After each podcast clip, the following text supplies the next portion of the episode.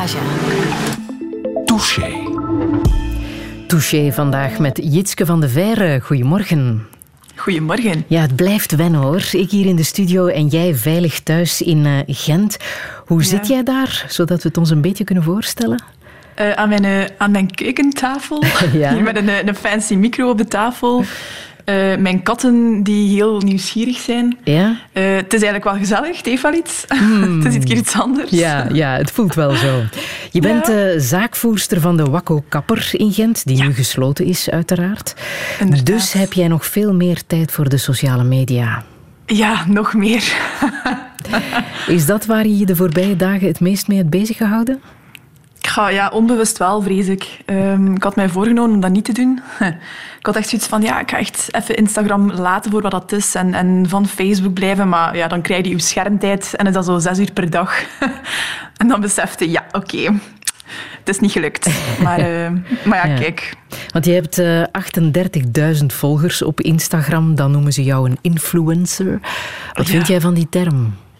Um, ik vind dat een heel rare term. Ja? Uh, ja, ga, een influencer, in mijn ogen zijn dat, zijn dat heel... Allee, heel hippe meiden die, die fancy dingen... Die eigenlijk een soort van wandelend reclamebord zijn bijna.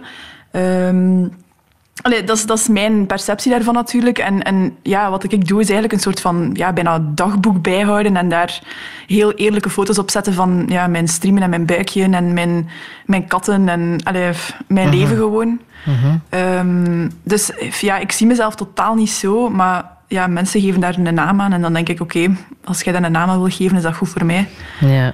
Jij bent dat meisje met uh, de tattoos die zichzelf in haar ondergoed, ondergoed op Instagram post. is dat een goede omschrijving?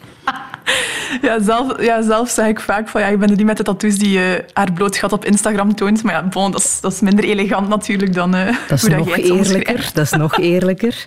Ja. Maar dat ben jij dus, hè? Ja, dat ben ik. Ja. Hoe zou jij jezelf omschrijven als, je, uh, als ik jou dat nu vraag? Ja, ik zeg altijd een, een, een wervelwindmens, denk ik. Ja. Um, ja, dat is altijd zo'n... Mensen vragen altijd van, ja, wat voor een woord is dat nu? Hoe komt het daar nu weer al op? Maar ja, voor mij is dat gewoon een wervelwind. Dat is iets dat constant bezig is en, en ja, heel aanwezig is, ik zal het maar zo zeggen. En dat is vooral mijn hoofd. Uh, mijn hoofd heeft nooit rust. Dat is iets... Ja, ik weet niet van waar ik dat heb. Um, ik ben constant bezig met duizend en één dingen. Ik kan niet stilzitten. Voor mij is dit echt een drama trouwens. Stilzitten en binnenzitten en, en niks ondernemen. En ja, rustige dingen doen. Voor mij is een weekend al, al heel moeilijk om, om niks te doen. Dus uh, laat staan dit. Um, ja, ik probeer zoveel mogelijk energie uit alles te halen en zoveel mogelijk te doen. En, en ja, zoveel mogelijk elke dag ja, bijna een avontuur te beleven, denk ik. Um, mm-hmm.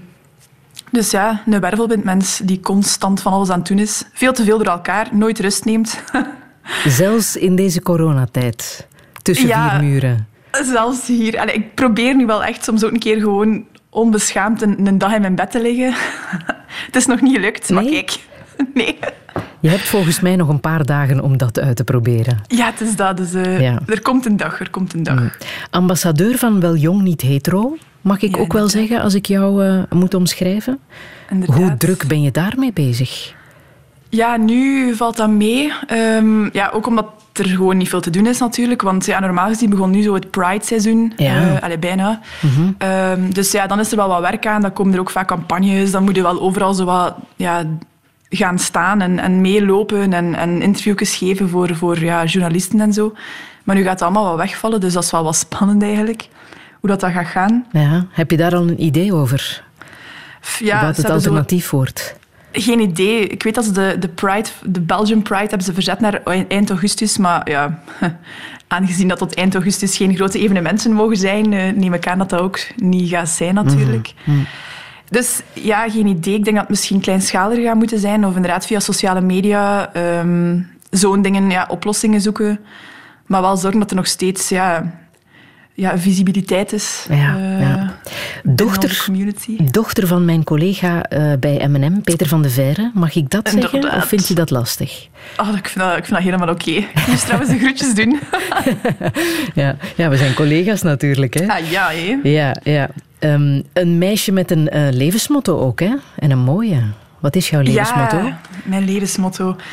Ja, ehm, ik heb dat altijd ook een beetje geleerd, denk ik, van mijn papa. Ehm, het is nu dat het moet doen. Ik heb ook letterlijk het woordje nu op mijn, op mijn pols staan. Ehm, ja, ik vind het heel belangrijk ehm, dat je geen dingen uitstelt naar bijvoorbeeld, ja, oké, over zoveel jaar wil, ga ik dat wel een keer doen, of dan zal ik wel een keer op reis gaan, of dan zal ik wel een keer een boek uitbrengen, Allee, bij wijze van spreken. Maar ik heb zoiets van, ja, je hebt één, hebt één kans, je zei maar één keer, vergooit dat niet. En ik wil niet de persoon zijn die later zegt als ze, als ze ja, ouder is, zo van, ah ja, had ik maar dat gedaan. Dat, ik vind dat zo'n vreselijke gedachte, dat, het, dat, dat in je hoofd hebben constant van, ja, had ik maar dat, of was ik maar zus, of was ik maar zo. Ehm, en ja, pas u niet aan aan, andermans meningen of zo. Uh, omarm jezelf elke dag. Probeer content te zijn met wie dat jij bent. Uh, ja, met, met de persoon die je die de op dit moment geworden bent. Want ja, op dit moment wordt het niet beter. Um, dus ja, leef een beetje in het nu. Mm Ja, pluk de dag klinkt zo wat cliché, maar gewoon ja, leef nu. En, en morgen zie je wel weer. En, en gisteren kun je toch niet, niks meer gaan veranderen. Dus en doe, dat nu, dat heel belangrijk doe nu dat interview in Touché. Dan kan je dat over twee uur ook en nu afchecken. Zit ik nu. Voilà. voilà. Jitske van de Verre, welkom in Touché. Radio 1. 1. Friedel Lassage. Touché.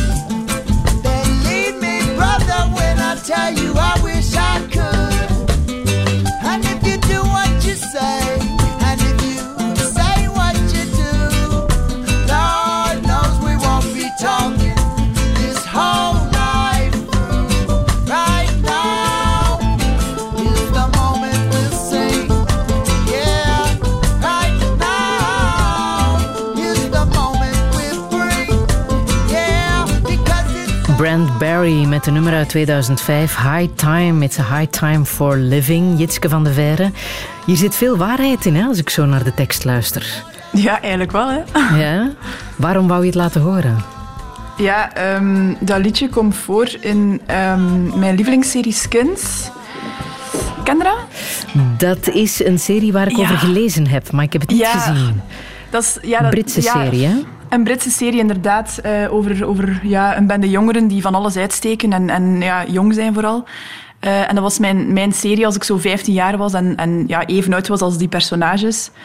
Ehm, ja, en ik, ja, ik kon me daar heel hard in vinden, in, heel veel van die, van die zaken. Ja, er kwam daar ook ja, een lesbisch koppel in voor. eh, allee, die, ja, die, die rookten, die smoorden, die dronken. Allee, ik was al een brave puber, maar bon...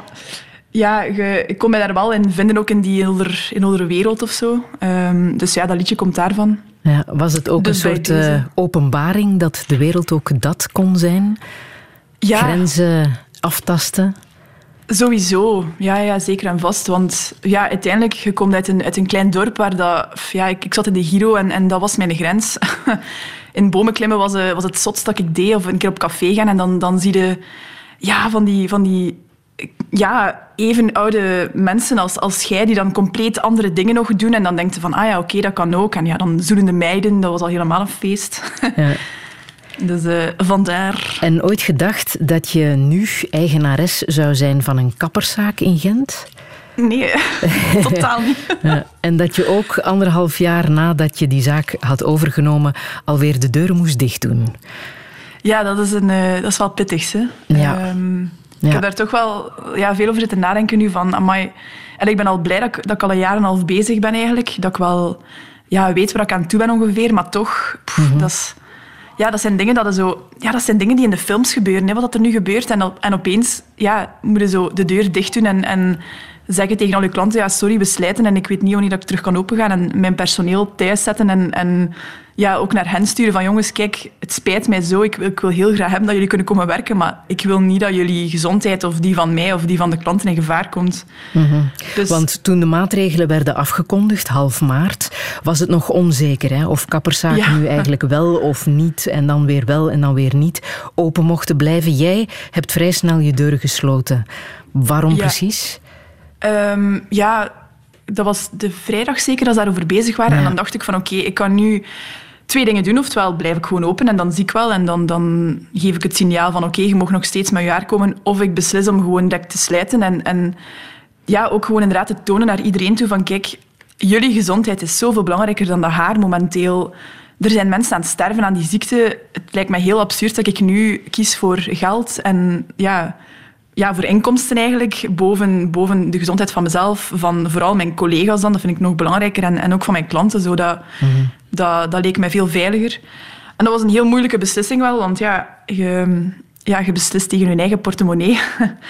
en dat, was even van, oké, ik ga deze beslissing gewoon maken. En, en ik had er ook met Peter, mijn, mijn vorige baas, eh, over gebabbeld, en die zei ook van, ja, wij gaan gewoon slijten. Ehm, En dan was het was- duidelijk voor jou. Ja. ja, dat was, dat was Hoe, hoeveel, mensen, hoeveel mensen heb jij in dienst?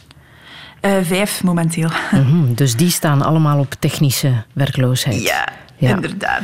Wat Ja, is, behalve dat ehm, het moeilijkste aan een, aan een zaak eh, sluiten?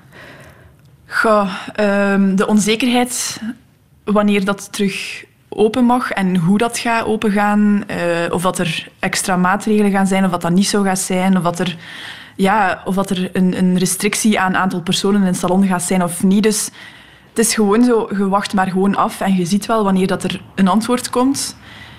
Maar dat is, ja, dat is zo ongelooflijk moeilijk, want allee, ja, ze waren daar allemaal zo laat mee, ook met salons, van ja, wat gaan we daarmee doen? Gaan we dat slijten? Dus ik kan me ook voorstellen dat dat nu weer hetzelfde verhaal gaat zijn, dat dat ook heel lang gaat duren voor ze een deftig antwoord gaan hebben van oké, dit mag en dit mag niet. Ja, die financiële onzekerheid is natuurlijk ook wel een ding. Maar ach, ja, dat is ook het laatste van mijn zorgen momenteel. Ik denk echt gewoon van ja, ik ben al blij dat iedereen gewoon nog gezond is. Ik check ook echt om de zoveel dagen van jongens, is iedereen nog gezond? En zijn jullie nog niet aan het hoesten? En ça va? Ik denk dat dat belangrijker is nu. Ja, het voordeel is, Jitske, dat wij nu allemaal helemaal onbezorgd ons haar kunnen laten groeien. Niemand waar. ziet ons. We kunnen eens iets uitproberen. Dat heeft toch ook zijn voordelen voor een kapper? Ja, daarna komt de, iedereen met het quarantainekoepje naar mij. En dan kan jij toch wel ongelooflijke eh, dingen doen, denk ik dan. Als Amai, iedereen ja, met zo'n bos haar bij jou terechtkomt over misschien wel een paar maanden. Dat gaat, eh, dat gaat heel spannend zijn. Ja, ik, ik, ik krijg ook elke dag via Instagram foto's en filmpjes van mensen die van alles met elkaar gedaan hebben. ja, en dan zeggen ze, ja, Jitske, help. Ik heb over een paar dagen een sollicitatie. Ja, ik zoiets van, ja, sorry, ik ben geen tovenaar. Ik kom over een maand terug naar het salon, maar nu kan ik niks doen. Ja. Dus ja, dat gaat, dat gaat ontploffen, sowieso. Je ziet ook filmpjes van ehm, hoe je jezelf eh, kan knippen. Hoe je zelf je kapsel kan, eh, kan bijknippen. Is dat een goed idee om dat zelf te proberen? Ja, het ding is, ik heb, ik heb met Linde Merkpoel van Stubru zelf zo'n filmpje gemaakt. ja, stout van mij. Maar ehm, ja, de puntjes zelf knippen, laat u gaan. Allee, Dat kan. als het niet moet, ja, als het niet moet, doe het niet. Eh allee, overschat uw eigen talenten als kapper niet. Maar ehm, ja, ik zie vooral zo kleuringen die mislukken. Dan denk ik, ga, een kleuring, daar kan zoveel mis mee gaan. Daar, daar, daar, loopt er al, allee, dat loopt al mis bij kappers soms. Laat staan bij mensen die daar eigenlijk absoluut niks van kennen. Dus probeer daar af te blijven. Maar ja, ik weet ook, mensen vervelen zich. Mensen experimenteren graag. Als je in één keer een potje blauwe verf ziet staan en je denkt, oh, ik ga dat een keer op mijn haar doen. Ja, laat u gaan. Hè. Ik fix het wel daarna. Op 30 april, eh, las ik, is er in Amerika Hairstylist Appreciation Day. Daar zal Oh. ook dit jaar niet zo heel erg veel van te merken zijn in Amerika, denk ik. Maar ik bedacht mij, bestaat zoiets bij ons? Een ehm, Hairstylist Appreciation Day? Nee, dat bestaat hier absoluut niet. Ehm, Bestaat denk, ik heb al op... Patroonheilige van de kappers, hè? Ken je Is die? dat? Ja. Nee? St. Louis. St. Louis. Eind augustus. Ja, Eind feest- augustus. feestdag patroonheilige van de kappers. Ah ja, misschien Ja. kan dat dan een, eh, een officieel ding worden voor de kappers hier in België. Ik hoop het. Dat Ja. mensen zo een keer wat meer beseffen dat kappers toch wel belangrijk zijn. Dat blijkt in Denemarken, want daar eh, kunnen sinds maandag de mensen terug naar de kapper. En eh, de website die zorgt voor afspraken bij kappers, die is al gecrashed. Ja, Zo erg was eh. de nood aan een afspraak bij de kapper. Ja, maar het is echt... Hè, mensen beseffen dat nu wel. Van, amai, ja, mijn haar blijft maar groeien. En normaal gezien is ja, een kapper... Wij zijn altijd open. Hè. Ja, op zaterdag, wanneer dat je wilt. Wij zijn heel bereikbaar. Je kunt altijd overal naar de kapper gaan. Want in elke straat in België heb je wel een coiffeur, denk ik. Dus nu ja, is dat allemaal niet meer. En ik zie overal foto's van mensen verschijnen. Ik denk, amai, je haar is zo lang. Maar ja, inderdaad, je kunt niet met je haar gaan. Dus ik denk, vanaf dat dat, vanaf dat, weer kan, dat dat ook hier gaat ontploffen. Dat gaat niet normaal zijn. Ja, maar nog eventjes geduld dus, hè. Inderdaad. Ja.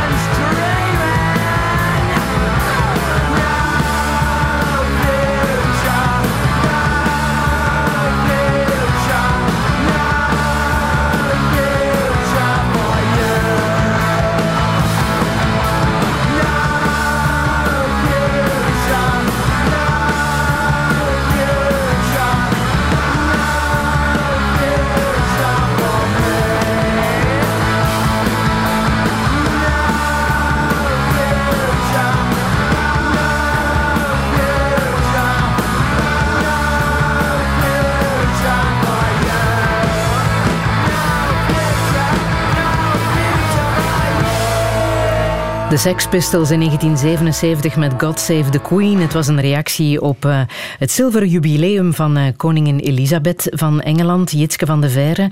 Toen was jij volgens mij nog niet geboren. Nee. maar toch wil je het laten horen. Wat heb je met dit nummer? Ja, um, mijn, mijn mama had die plaat Nevermind the Bollocks uh, op vinyl. En die heeft mij dat ooit gegeven, denk ik, als ik, als ik ja, 15 was of zo. Um, en ik vond, dat, ja, ik vond dat zo een leuke plaat. Ik was daar zo fan van. Ik vond dat zoiets... Ah, ik vond dat zo stoere muziek. En we zijn ook effectief zo naar de Lokerse feesten geweest, toen dat zo een reunie was van die mannen. Maar dat, of ja, ik was toen ook 15 of 16, ik weet dat zelfs niet meer. Uh, en toen heb ik echt zo Johnny Rotten in het echt gezien. En zijn bloot gat. um, ja, en geen, ja dat, die muziek klopte of zo voor mij. Um, ja. En jij bent dus was... duidelijk niet de eerste in wat je doet bleek. Ja, nee, inderdaad. Kijk, toen je Johnny Rotten al... aan het werk zag. Wie weet is daar mijn, mijn inspiratie van uh, gekomen. Ja, ja. We kennen jouw vader, maar, maar wat voor iemand is jouw moeder dat ze deze plaat in haar kast had staan? Ja, mijn, mijn mama is een, is een heel uh, lieve, zachte vrouw eigenlijk. maar ja, die, ja die was, dat was vroeger wel zo'n... Als ik daar foto's van zie, dat was echt wel een stoere. Uh, die had altijd zwarte kleren aan en lang haar en zo. Die had blijkbaar zo botten met doodskoppen op en zo. Uh, dus het is heel grappig. Um, ja, maar mijn mama is een, is een heel zorgzaam iemand nu. Nu? Hoe bedoel ja, je? vroeger ook. Eigenlijk altijd. Gewoon... Allee, ik kan me voorstellen dat hij al heel, heel haar leven zo zorgzaam is. Maar ja, als je zo 18 bent en je ziet er zo wat stoerder uit. Ik kan me voorstellen dat, daar, dat, daar, ja, dat, dat, niet, zo, allee, dat, dat niet zo lijkt. Ja. Maar als kind, allee, als kind altijd heb ik... Ja, mijn mama is een, is een, heel lieve mama die er altijd was voor ons, die alles deed voor ons, nog altijd. Dat is echt... Oh, die doet zo iets te veel. Dat is zo'n moeder die zo alles zou doen voor haar kinderen. Ja. Um, maar dan wat, geeft mij wel zo'n platen. En wat voor meisje was jij? Um, ja, ik was een... een ja, volgens mijn papa en mijn mama was ik vroeger een heel bang kind. Uh, ik was bang van vlinders, van de zee, van het strand, uh, van alles en nog wat. Um, en daarna is dat omgeslaan in een, in een heel enthousiast iemand. Uh, ja, ik ging ook naar de Giro. Ik was ook wel een beetje een opvaller. als ik het leidste kon babbelen, dan deed ik dat ook wel, denk ik.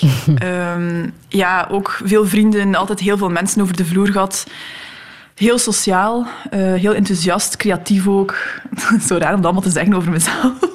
Zo leren we jou kennen. Zo leren we ja, jou dat kennen. is waar. Ja. Um, en, als, ja, en kind, als... als... kind met een onafscheidelijke knuffel, hè? Ja, ja, meneer Dolfijn. Wie ja, is meneer was, Dolfijn? Ja, meneer Dolfijn, dat is mijn geboorteknuffel. Uh, mijn ouders hebben mij die gegeven als ik ja, een baby was. Uh, dat, ja, die was even groot als mij toen. Dus ik, ik lag altijd bedolven onder mijn dolfijn. En dat is, ja, dat is altijd zo gebleven. Ik, ik slaap daar nog altijd mee eigenlijk. Dus die ligt nog altijd in mijn bed, al 26 jaar. uh, en ja, als kind was ik heel vaak uh, bang in het donker. Ik heb er nog altijd wat belast van. Ik kan niet zo goed tegen de donkerte. Ja, ik ben er niet zo fan van. En ik was ook altijd heel bang dat er een grote donkere hond onder mijn bed zat, dat die ooit mijn oor ging afbijten. Dus meneer Dolfijn die lag altijd op mijn oor als ik aan het slapen was. Um, ja, dat was echt zo absurd. Als die niet in mijn bed lag, dan werd ik daar ook wakker van. En dan mocht ik keer te blijten. En, en was ik heel bang altijd als die, als die er niet was. Dus ja, ik sleurde die echt effectief overal mee naartoe. En het heeft was, geholpen. Uh... Je hebt je beide oren nog. Inderdaad, ja. gelukkig. Je bent ook de oudste. Hè? Je hebt twee jongere ja. zussen en sinds vorig jaar ook nog een halfbroertje. Inderdaad. Um, heb je als oudste je verantwoordelijk gevoeld? Ga, vroeger niet. uh, ja, was dat minder. Vanaf dat ik puber was, wel een beetje. Uh, toen mijn ouders uit elkaar zijn gegaan, had ik toch wel zoiets van oké, okay, mijn zussen en, en ik moet ervoor zorgen dat het allemaal een beetje oké is. Maar tegelijkertijd, ik was zo bezig met mezelf, met 15 jaar zijn en, en mezelf verliezen in van alles en nog wat. Dus ik denk dat ik mij niet super verantwoordelijk heb gevoeld, bewust dan. Uh, maar nu bijvoorbeeld is dat, ja, is dat wel, denk ik, ben ik heel, allee, heb ik wel zoiets van mijn zussen. Allee, ik wil echt weten hoe dat, dat gaat met hun en, en wat ze doen en waar ze mee bezig zijn. En als er iets is, dan ze altijd naar mij kunnen bellen en altijd bij mij kunnen komen slapen als het niet gaat. Dus ik denk dat je onbewust wel een soort van verantwoordelijkheidsgevoel krijgt als, als grote zus. Mm -hmm. Ja, ook omdat dat zo gezegd wordt, hè, van ja, jij bent de grote zus, jij moet het goede voorbeeld zijn.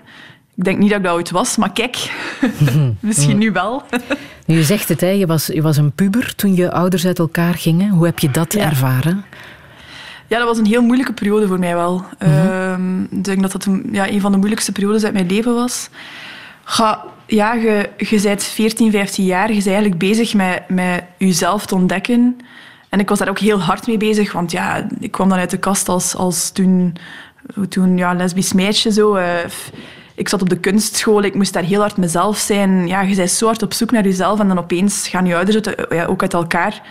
Wat dat wel ja, lastig is van het, het, eeuwige beeld van uw mama en uw papa die samen blijven, dat, dat worden die opeens ja, verbroken in duizend stukjes. En, en je denkt van dat gaat mij nooit overkomen en dat overkomt u dan. En ja, je legt soms ook bijna de schuld bij je eigen van oei, had ik misschien wat liever geweest of, of was ik er niet geweest, dat was dat misschien niet gebeurd. Allee, zo heel absurde dingen.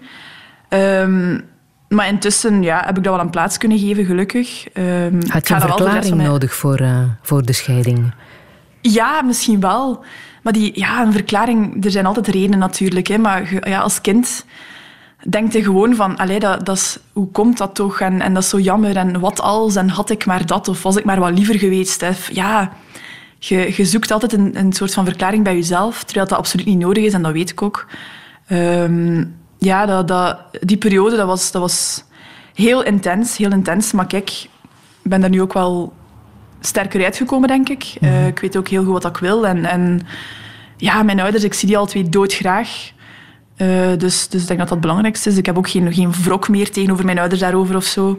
Ze waren ook heel, ben. eh, heel jong hè, toen ze ouders werden.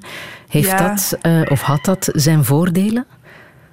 Ja, ik ik vind het feit dat mijn, mijn ouders en ik... Allee, wij, ja, je verschilt natuurlijk wel, wel qua leeftijd zo, maar ik kan wel heel open babbelen met mijn ouders. Die weten echt letterlijk alles van mij, maar echt alles wat ik uitstak, uit heb gestoken, nu nog uitsteek, eh, die weten dat, omdat ik daar alles... Ja, ik vertel echt alles tegen Hulder. Ja, omdat die dat ook wel ja, begrijpen. op- Ja, omdat die nog... Ja, die zijn zo... Allee, dat zijn jonge ouders, dus, dus er is ook een, een minder grote drempel, denk ik, om, om daarover te babbelen. Eh, ja, dat, dat kan echt over alles gaan. Over, over roken, drinken, eh, weet ik wat allemaal. Die weten echt alles van mij. Maar dat, dat schept wel een vertrouwen, vind ik. Ik vind dat wel belangrijk. Ik heb eh, met jouw vader samengewerkt bij Studio Cat, het eerste jeugdjournaal van Catnet. Ja. En toen al hield hij ervan om eh, zich bijvoorbeeld als een koe te verkleden en daar dan een reportage over te maken, eh, verkleed als koe. Hij doet dat nog altijd graag, zo'n zotte dingen. Maar ik dacht toen al, toen was hij al een jonge vader, wat moet dat zijn voor die kinderen? Wat vond jij daarvan? Ja, dat, ik vond dat de max. Ja, zo, mijn, mijn, mijn beste herinneringen zijn zo... Ook als wij, als wij eh, feestjes gaven voor ons verjaardag, dat waren altijd zo de beste verkleedfeestjes. En zo... Ja, effectief, mijn papa was dan zo de mens die het beste verkleed was. Inderdaad, in een koeienpak dat mijn mama dan had genaaid voor hem. Allee, dat, was, ah, dat was zo grappig. Dat, wa- dat waren zo goede tijden. Gewoon... Ja, mijn, papa die maakte ook keiveel van die, van die schat, van die zoektochten voor ons. Dat hij dan een pot met snoep had verstopt. En, en in het weekend, als hij, als hij thuis was, had hij zoveel tijd voor ons. En ja, verkleden en van alles doen. En ja, ook voor de Giro... Ja, als we naar de Giro gingen, we hadden ook vaak van die verkleedthema's. Ook, we waren altijd keigoed verkleed, omdat we dat, ja, een hele verkleedkoffer vol hadden van verkleedkleden van hem dan nog. Dus ja, dat is, dat is super tof. En we hebben dat ook echt allemaal meegekregen van hem. Van ja, dat verkleden en, en u niet schamen en, en uw ding doen en ervoor gaan. Hij doet het nog altijd. Hè? Bestaat daar een Ja. leeftijdsgrens op? Zal er ooit een moment komen waarop jij zegt: Papa, nu is het echt genoeg geweest? Nee, ik ben het zo gewoon van hem. Ik heb zoiets van, blijf het alstublieft doen. Denk, de dag dat hij het niet meer gaat doen, ga ik mij beginnen zorgen maken, denk ik.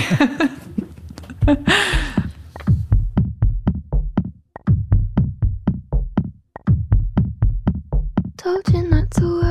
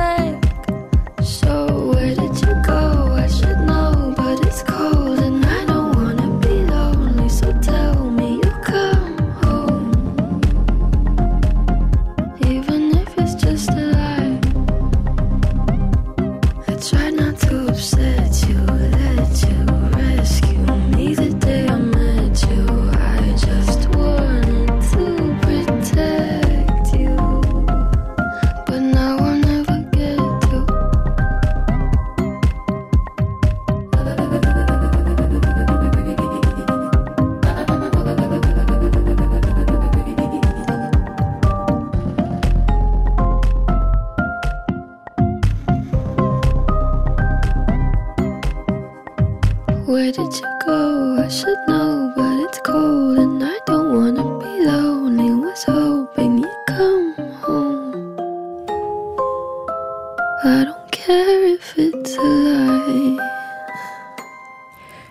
Eilish, eh, allicht een van de meest hippe artiesten van het moment. Met ILO Milo bestaat ook in eh, 8D-audio, waarbij de muziek van alle kanten lijkt te komen.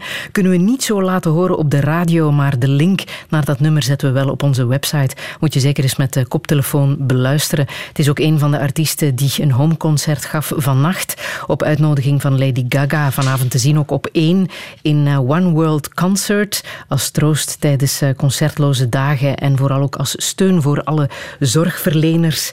Ehm Jitske van de Veire, ik vermoed dat jij vanavond ook wel even gaat kijken naar hoe Billie Eilish dat eh, doet vanuit Ja, haar kot. sowieso. Ja. Die heeft zoveel talent. Mooi. Zeg ik het juist dat ze een van de meest hippe artiesten is van het moment? Een van de belangrijkste misschien ook? Ja, vooral een van de belangrijkste, denk ik. Ehm, ja, ook wat dat hij doet, hoe jong dat hij is, hoe dat hij zichzelf profileert, eh, hoe dat hij zo'n voorbeeld is voor zoveel mensen. Dat is echt fantastisch. Ja, en hoe- muziek, dat is... En hoe eerlijk ze is ook. Ja, Ja. daar ben ik fan van. Ja. Ehm, zij is denk ik toch wel een van de eerste artiesten die begonnen is met de trend van geel en blauw en groen gekleurd haar. Kan dat? Ja, dat kan wel. Allee, zo op die manier toch wel, zeker. Ja. Ook heel erg populair in jouw kapperszaak, denk ik, hè? de Wakko Kapper in Gent. Ja, ja, krijg ik echt eh, heel veel foto's van ik wil haar like Billie Eilish. Oké, kan. Ehm, en, en is dat gevaarlijk, zo'n kleur eh, op je haardos? Goh, ja, dat is, dat is niet gezond. Ehm, ja, het is te zien welke kleuringen. Zo, inderdaad, zo die fluo-kleuringen, zo dat, dat geel en dat blauw en wat is het allemaal, dat is echt geen gezondheidsbehandeling voor je haar, sowieso niet. Ik zeg dat ook altijd van, kijk, ik wil dat allemaal gerust doen, maar bereid er op voor dat je haar wel, ja, je moet dat echt goed verzorgen daarna. Ehm, dat is wel superbelangrijk en dat is ook heel belangrijk als kapper dat je dat zeker zegt. Dat mensen daarna niet zoiets hebben van, ah oei, mijn haar is toch gewoon een strobaal, hoezo? Dus, eh, Heb je dat ook gezegd tegen je grootmoeder? Want die heb je ook in eh, de kleurtjes gezet, hè? Ja, die heb ik echt al in veel kleurtjes gezet. Ik weet zelfs niet of die daar ooit op is, op is gekomen. Zo. Maar ze zei van, Jitske, doe maar een keer iets. En dan dacht ik, oké, kom, we gaan een beetje blauw in je haar steken. En die raakt er dus mee weg, hè. dat is de max. Hè. Echt, dat is zo Nee, maar hoe wakko kom je buiten als je naar de Wakko-kapper bent geweest, Jitske? Ga, zo wakko dat je zelf wilt, denk ik. Ehm, ik heb ja, minstens evenveel klanten die gewoon de puntjes willen of, of een, een, een gewoon kleur in haar willen. Dus ja, gewoon blond of, of zwart of bruin of rood. Ik hoor mijn kat op de achtergrond. Die zijn het eh, kot daar aan het afbreken, Ja. denk ik. Lekker hijselijk. Ehm, ja, en aan de andere kant kun je ook gewoon inderdaad vragen aan mij van oké, Jitske, mijn haar moet groen-paars zijn met gele bollen. Kun jij dat doen? Dat kan ook zeker. Dan eh, laat ik me daar volledig in gaan. Dus het is gewoon de bedoeling dat je ja, kunt binnenstappen en gewoon kunt vragen van ik wil dit, ik wil dit, ik wil dit. En als dat mogelijk is, dan doe ik dat met veel plezier zonder dat ik een oordeel vel. Want ja, dat gebeurt ook vaak. Dat kappers zoiets hebben van ja, dat ga ik niet doen, dat, dat is raar. Ehm, ja. ik vind het gewoon belangrijk dat je jezelf kunt zijn. Je bent ondertussen anderhalf jaar eigenaar van eh, de Wakko-kapper in Gent. Terwijl dat niet meteen jouw ultieme droom was. Hè? Jouw eh, ambities lagen eerst in de kunstrichting. Ja, ja, inderdaad. Ik wou eigenlijk eh, al sinds mijn zes jaar of zo kunstenaar worden, denk ik. Ja. Ja, altijd heel creatief bezig geweest. Naar de tekenacademie geweest. En dan in, in het middelbaar ook Sint-Lucas eh, gedaan, kunst humaniora. En toen... ehm, Ja, op, op een bepaald moment, ja, ik deed dat heel graag. Dat was echt, echt mijn, mijn passie. Eh, maar dan op het einde van het middelbaar vond ik dat heel moeilijk dat wij constant ja, punten kregen op, op onze kunstwerken. Ik vond dat heel subjectief en ik had zoiets van, ja, maar wat ga jij punten gaan geven op wat ik creëer? Dat, dat, dat, dat moet toch niet ja, gecoteerd worden? Eh, en toen ja, heb, ik, heb ik besloten om daarmee te stoppen eigenlijk. Eh, dus ik had daar ook echt een digoe van gekregen. En dan heb ik een paar eh, minder frisse jaren gehad. Allee, ja, ik studeren, maar ja, iets meer in de overpoort gezeten dan ergens anders, denk ik. Ehm, veel te veel uit geweest, veel te veel gedronken. eh, ja, mijn studiepunten letterlijk opgezopen, vrees ik. ja, niet het meest romantisch verhaal. En op een bepaald moment effectief ook gewoon niet meer weten hoe of wat, wat ik met mijn leven wou doen eigenlijk. Ehm, ja, en dan heel, heel impulsief besloten van, weten, mijn studiepunten zijn op, ik ga kapper worden. en dat dan gedaan. En, en ik bleek daar wel goed in te zijn, ook omdat ik mijn creativiteit daar wel helemaal in kwijt kon. Dus eh, bij deze ben ik dan toch maar kapper geworden. Maar ook ondernemer ondertussen, hè? want je bent Ja, ook eigenaar inderdaad. van eh, het kapsalon. Was ook dat een, een grote stap? Ja, op zich wel. Allee, ik ben daar begonnen als stagiair ooit, eh, in, in dat salon zelfs. En ja, bij Peter, die heeft mij onder zijn vleugels genomen. En, en ja, ik, ik heb daar alles geleerd. Peter Platel, En- hè? Peter Platel, inderdaad. Ehm, en na twee jaar en een half, denk ik, heeft hij mij die vraag gesteld van... Kijk, Jitske, ja, ik was toen 24. Echt, oh, jezus, ik was zo jong. Ehm, en die vroeg dan van... Ja, kijk, Jitske, ehm, ik wil mijn salon verkopen en ik zou graag hebben dat jij dat overkoopt, want ik vertrouw je daar volledig in. Ja, en dat moment, dat, dat, was, dat was echt absurd. Ik was daar... Dat is zo je stoutste droom en dan komt dat uit en dan, dan zit het daar zo van oké, ja. Ik heb daar niet lang over moeten nadenken. Eh, ik heb daar gewoon direct ja op gezegd, denk ik zelfs. Want je noemde het op Facebook de schoonste kans van mijn leven. Ja, Was ja, het dat ook echt? Ja. Ja, ik zeg het, dat, dat is echt zo...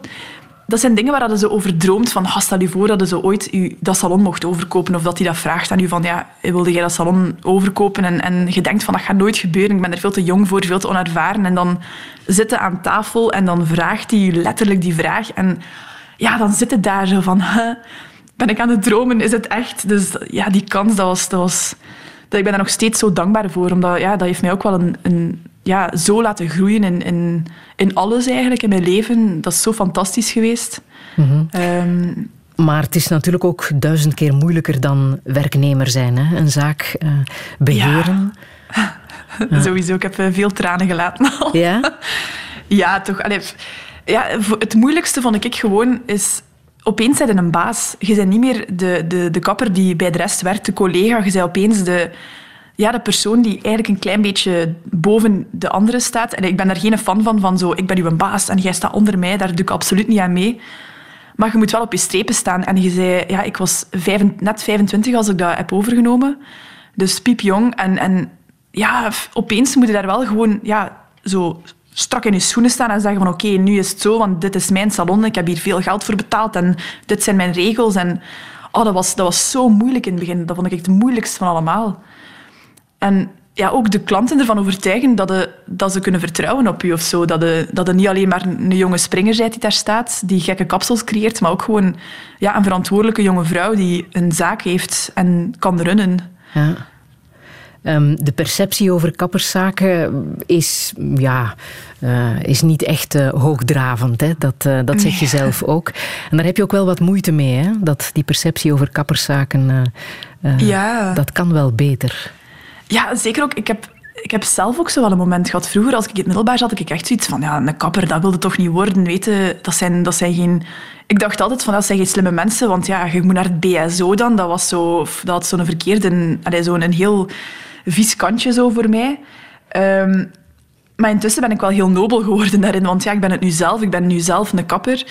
En... en ja, ik merk ook, mijn, bijvoorbeeld mijn collega's, dat zijn allemaal zo slimme, clevere mensen. Peter Platel, dat is zo'n slimme mens. Dat zijn allemaal super interessante, lieve persoonlijkheden die, ja, die gewoon haar willen doen. Die, die kunnen babbelen met, met elke persoon die ze onder een stoel hebben. Die kunnen babbelen over, over zowel het weer als over een of andere filosoof. Dat, dat gaat zo ver.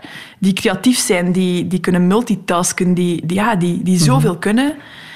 Dus ik heb dat ook wel ja, geleerd van we zijn zo waardevol eigenlijk. We staan daar elke dag acht uur recht je haar te knippen. En, en Want je zit Ja, dus- inderdaad heel erg dicht op de huid van, eh, van je klanten. Ja. Moet je ook psychologisch wat onderlegd zijn om daarmee om te kunnen?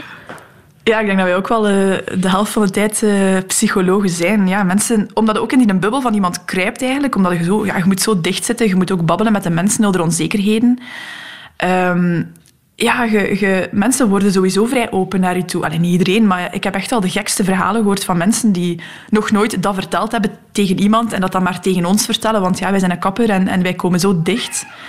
En ja, je moet daar ook wel normaal op kunnen reageren. Je moet, niet, ja, je moet een beetje neutraal zijn, maar je moet ook wel... Allee, mensen verwachten nu niet dat je raad geeft, want daar zijn we niet voor. We zijn vooral een soort van klankbord, denk ik.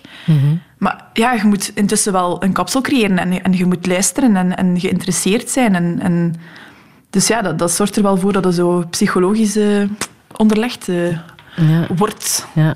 Heb je er een verklaring voor waarom mensen nood hebben aan een goed kapsel om zichzelf ook goed te voelen? Want dat zeggen ze wel. Hè? Als je je niet lekker voelt, zoek dan een goede kapper. Altijd beter dan een therapeut. Ja, dat is, je ziet dat. Je, je, mensen zijn vaak, allee, qua, qua uiterlijk, herkenden vaak mensen aan, aan ulraar. Dat is, dat is perfect normaal. Zo bij mij ook. Mensen herkennen mij aan mijn, aan mijn wit bobke, dat altijd hetzelfde is. Ehm, ja, je, zijt, die persoon. Ja, ik zeg nu niet dat je kapsel je persoonlijkheid is, absoluut niet. Maar dat is wel een, manier om je uit te drukken. En, en ja, als je naar een therapeut bent geweest, dan heb je daarover kunnen babbelen, maar je ziet dat niet aan je. Je bent misschien een beetje opgeluchter. Maar een, ja, een kapsel, je ziet dat. En, en mensen geven je complimenten en zeggen van amai, je ziet er goed uit, want je haar is zo schoon. Dus ja, ik denk dat dat wel belangrijk is. Mhm. Sowieso.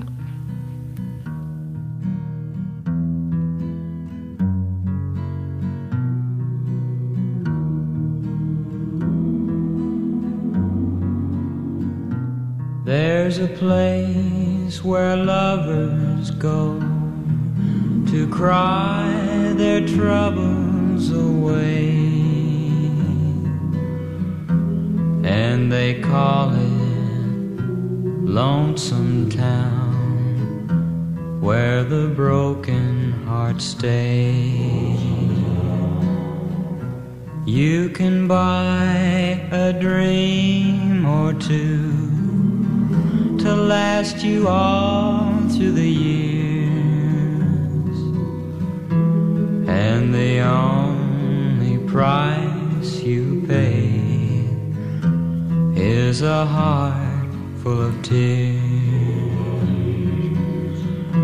Going down to Lonesome Town where the broken hearts stay. Going down to Lonesome Town to cry my troubles away. In the town of broken dreams, the streets are filled with regret. Maybe down in Lonesome Town, I can learn to forget. Maybe down in Lonesome I can learn to forget. Ricky Nelson met een nummer uit 1959, Lonesome Town. Zelfs je vader was toen nog niet geboren, Jitske van der Veire. En toch wil je dit laten horen. Hoe, hoe, ben je dit, eh, hoe heb je dit leren kennen? Eh, ja, dat is, dat is een heel allee, ja, een grappig verhaal. Ehm, ik heb drie jaar, denk ik, op een, eh, op een hoeve gewerkt als ik student was, als studentenjob. Ehm, en dat was zo'n hoeve waar dat, ja, wij moesten daar gewoon pintjes uitschenken voor de mensen en koffietjes maken. En dat was een soort van toeristisch centrum. Ehm, en die hoeve, ja, intussen was die al niet meer bewoond, maar de, de bewoner die daar altijd ja, die daar gewoond heeft, die daar opgegroeid is, Antoine noemde die mens. En hij noemt die mens, die leeft nog. Ehm, die kwam daar elke dag zijn koffie drinken. Maar echt elke dag. En ik denk dat wij ook stiekem een beetje ja, een soort van gezelschap waren voor hem. Ehm, en die kwam daar dan altijd zo ja, de meest schone verhalen vertellen over vroeger en over die hoeve en, en hoe dat, dat daar was. En dat was echt zo leuk. En die leerde mij altijd zo van die, ja, die muziek kennen. Want ik vond dat heel tof om naar oude muziek te luisteren. Dus die, ja, die bracht dan elke dag een liedje mee dat, dat ik moest luisteren, zo gezegd. En dan zaten we daar samen naar te luisteren, dat er altijd over te vertellen. En ik vond dat zo een, zo'n schoon lied van eh, Ricky Nelson. Dus ja, dat is mij altijd bijgebleven. En dat is echt zo een van mijn, mijn lievelingsnummers geworden. Het wordt een festivalloze zomer, hè, eh, Jitske? Ja. Hoe erg is dat voor jou en voor jouw agenda? Ja, de Gentse feesten is eh vreesduur. Ja. ja. Daar, ja, daar zou ik toch wel een keer een traantje voor willen laten. Omdat dat ook altijd wel mijn... ehm, ach ja, het moment is dat ik even het zwijn uit kan hangen, tien dagen lang. Eh, even niet verantwoordelijk ben en, en gewoon tien dagen verdwijnen op de vlasmarkt. Ja, dat gaat nu niet gebeuren natuurlijk. Ehm, maar ja. Allee, ik ben er wel over. Ik heb ook zoiets van, ja, het is ook wel superbelangrijk dat we dat even allemaal niet doen en dat, dat de, de bevolking gezond blijft. Maar het is toch wel een zure natuurlijk. Ja, en ook, f- ik ga normaal ook wel naar, naar Pukkelpop of Werchter of zo, of kleine festivals. En ja, dat gaat nu allemaal niet doorgaan natuurlijk. En al enig idee hoe je die vrijgekomen coronatijd gaat eh, vullen deze zomer? Oh, mijn god, totaal niet, totaal niet. Er zijn wel wat plannetjes waar ik nog niets over mag zeggen natuurlijk. Duizend Ehm, plannetjes las ik op Duizend Instagram. plannetjes. Ja, het zijn er wel wel, maar ja, ik mag daar niks over vertellen. Hè. Ah, toch? nee? Nee, het zal allemaal duidelijk worden. Aha, we moeten jou gewoon blijven volgen. Dat is een manier Ja. natuurlijk om daar reclame voor te maken, hè, voor jou. Dat is, dat is goed? Instagram-account, ja, ja. Wat je zeker hebt gedaan, is eh, schilderen en tekenen, hè? Ja, De voorbije sowieso. dagen. Ja. Dat heb ik nu toch wel eh, gedaan. En ik moet nog iets meer doen zelfs. Want mijn verf is op. Dat, is heel zuur, want ja, er zijn ook geen winkels, allee, geen winkels open. Dat soort verfwinkels zijn niet open. Nee, helaas. Nee. Dus eh, ik zal een keer online moeten kijken. Kan je omschrijven wat je precies tekent en schildert? Ah, ja, ik, ik ben vooral ja, ik ben fan van het vrouwelijk naakt natuurlijk. Mhm. Eh, dus veel, vrouwelijk, ja, veel vrouwen eigenlijk schilder ik dan, naakt. ja, ik heb ook een, een collectie eh, vagina's eh, getekend en geschilderd al. Maar die ligt nu even stil. Ja, eh, ja, ik vind dat superleuk om te doen. Ik, ben er, allee, ik, vind dat, ik vind dat zoiets moois. Het, het vrouwelijk naakt en, en alles daar rond. En, en al, die, al die vormen. En, en ach, ja, I love it. Zo Kan je, kan je dat en- uitleggen waarom je dat zo mooi vindt? Ja, ja, misschien ook omdat ik lesbisch ben, maar ook omdat... Ik, ik weet dat niet, ik vind dat zo... allee, Ik vind een mannenlichaam, ik, kan dat ook heel, allee, ik vind dat ook wel mooi om naar te kijken, zo, maar ik vind dat veel minder interessant. En bij een vrouw is er daar zoveel meer aan. Zo die, die borsten en, en ah, weet je, die een buik en zo. Alles loopt in, in één lijn over in elkaar precies bij een vrouw. Allee, dat klinkt heel poëtisch, maar dat is wel zo. En, en al die plooitjes en, en zo die, die... Ja, hier en daar zo een, een, een, een of, of een cellulite of... of ja, dat is, dat is allemaal zo... Dat klopt allemaal bij een vrouw, vind ik. Ik ben, ik ben daar zo fan van. Meer dan bij een man? ja, ja, toch wel. Ja? Ja, we hadden vroeger zo ehm, naakt... Allee, we moesten altijd zo naaktmodellen tekenen. En ik weet dat ik bij vrouwen echt zo... oh, ik vond dat zo tof. En, en die uren, dat, dat, dat vloog voorbij. En ik vond dat de max. En, en ik, ik had ook geen, geen schaamte om bepaalde details uit te vergroten. Zoals een vagina of, of, een, of een tepel of zo. Ik vond dat allemaal geen probleem. Maar bij mannen, ach, dat, dat lukte mij niet. Ik kon dat ook niet tekenen. Zo, die penis, dat was voor mij echt... pff, al helemaal een, eh, een onbekend terrein. Zo. Dus ik, ja, ik vond dat veel minder interessant. En bij vrouwen, ja, ik kon, daar, oh, ik kon daar uren naar kijken. Ik vond dat zo leuk. De tattoos op je lichaam, heb jij die zelf ook ontworpen? Zijn dat tekeningen Eh, van jezelf? Nee, de ik denk dat ze allemaal... Ja, ene zo een, heb ik half ontworpen, maar voor de rest is alles eigenlijk eh, door de tattooartiesten zelf vaak ontworpen. Ja, ik heb ook twee kunstwerken van... eh, van één van Klimt en één van Schiele, van, van vrouwen. Eh, dus ja, dat heb ik zelf niet ontworpen natuurlijk. Ja. En welke zijn dat? Ehm, de ene is, ja, dat is een heel stom verhaal eigenlijk. Dat is van Chile. Dat is een, dat is een, een vrouw die zo half naakt eh, ja, een bepaalde houding aanneemt. En het ding is, ik vond dat een heel mooie tekening van hem. Dus ik dacht, ik moet dat hebben. En ik was ja, naar een tattooartiest gegaan. Die zei van, oké, check, ik, ik zet dat op u. Allemaal, dat is een prachtige tatoeage. En daarna heb ik ontdekt dat dat eigenlijk een tekening was van zijn zus. Waar dat hij zo'n half incestueuze relatie mee had. En nu heb Ja. je daar spijt van? Nee, totaal niet, want dat is echt een supermooie tekening. Maar ja, dat is altijd een beetje grappig om te vertellen dat mensen... Allee, dat ik dat dan zeg van, ja, zijn zus en die had er wel een dingetje mee. Dus allee, bon, dat, is, dat is een beetje apart. Maar bon, ik ga nooit spijt hebben van tatoeages. Uiteindelijk, op dat moment was dat een juiste beslissing. En ja, dat is esthetisch gewoon echt zo mooi. En die van eh Gustav Klimt, welke tekening is dat? Dat, is, eh, dat, is een, ehm, dat zijn de water, waternimfen, is dat. Ja, hij heeft zo twee werken gemaakt, Waternimfen 1 en Waternimfen 2. Ehm, en dat, is eigenlijk, eh, dat zijn lesbische vrouwen die heel erg in elkaar verstrengeld zitten. Dus je ziet dat eigenlijk ook niet duidelijk op, op, die, ja, op dat schilderij of op die tekening of op die tatoeage ook niet. Ehm, maar dat is ja, een, een ode aan, aan mijn geaardheid, denk ik. En ik vond dat, dat, is ook, dat is ook mijn lievelingskunstwerk van hem. Allee, mijn allerlievelingskunstwerk in het algemeen, denk ik gewoon. Terwijl hij Eh, zelf een zeer viriele hetero was, hè, Clemens? Ja, inderdaad. Ja, ja sowieso. Maar ik vind dat zo schoon dat hij ook in die tijdsgeest ja, zo vrouwen heeft vastgelegd. Dat is, dat is iets dat... Ja, vrouwen werden sowieso al, al minder vastgelegd op zo'n manier. En dan al zeker ja, een, een lesbisch koppel. Dat is wel... Ja, ik vond ik wel heel schoon. En hoeveel tattoos heb je nu ondertussen? Oh my god. Ik denk iets tussen de 15 en de 20. Mhm. Heel, heel... Zeg maar... Hoe ver ga je? Ja, dat weet ik niet. Ik Denk, ja, ik had mij ooit voorgenomen om er één of twee te nemen en intussen is het al vertiendubbeld. Ehm ik denk dat dat mij beu is, maar ik heb ja, nog twee tatoeageplannen op de planning staan. Ja, Ja? maar dat is verslavend, hè. Dat is verslavend, dat is zo leuk. Ja, zeker. Ik vind dat... Ja, zo dat, die Wat is daar van... zo leuk aan? Ik, eh, de pijn totaal niet. Hè. Ik ben echt een kleinzerig mens. Ik vind dat verschrikkelijk. Hè. Ik kan daar totaal niet tegen. Maar zo die spanning van, oké, ik ga een nieuwe tattoo hebben en daarna staat dat op je lichaam voor de rest van je leven. En, en je moet daar ook altijd even aan wennen, aan het idee van, oké, dit is vanaf nu het beeld dat ik ga hebben van, van dat stuk lichaam Ja. met die tatoeage erop. Ook als je tachtig bent, hè, Jitske? Ik ben er helemaal klaar voor. Ja. Dat ga ik hilarisch vinden. Zo onder al mijn huidplooien. Zo, kijk, en die tatoeage, dat. En, en alles heeft ook... Ja, niet echt een verhaal bij mij, maar vooral een, een soort van moment. Op dat moment was dat een goed idee om die tatoeage te zetten. En ik vind dat... Ja, je zei, mijn, mijn lichaam is een canvas. En, en waarom zou ik er dan niet gewoon wat, wat kunst van andere mensen op laten zetten? Ik vind dat een max. Voorbije dagen veel tijd gehad om films in te halen of opnieuw te bekijken? Ja, ja, ik heb vooral Harry Potter Ah, ja? gekeken. nee. Ja, ja, en dat, dat wel. En, en ja, ik wil mijn lievelingsfilm ook nog wel een keer opnieuw bekijken. En dat is?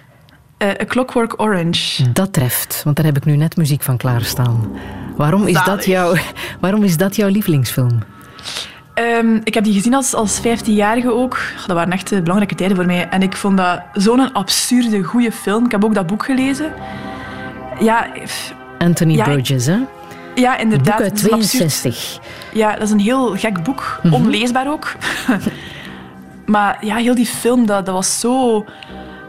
Die scènes en, en ja, dat, was, allee, dat is wel vrij gewelddadig. Dus ik weet dat dat ook niet, dat ook niet heel feministisch of zo, maar zo die, die, die scènes en die, ja, die gesprekken met die karakters en, en heel dat idee daarachter dat je een, een mens kunt veranderen door, door middel van psychologische testen en, en oh, dat was zo goed, die setting en, en hoe die eruit zagen. En oh, ja, ik was daar zo door gefascineerd door ja, die drugsmelk. Allee, dat, hoe kom je erop? Ik vond dat, ja, Ja. ik vond dat fantastisch. Dus het moment nu in eh, coronatijd om dit nog eens eh, opnieuw te Ja, bekijken. Clockwork zeker. Orange, film uit 1971 van Stanley Kubrick.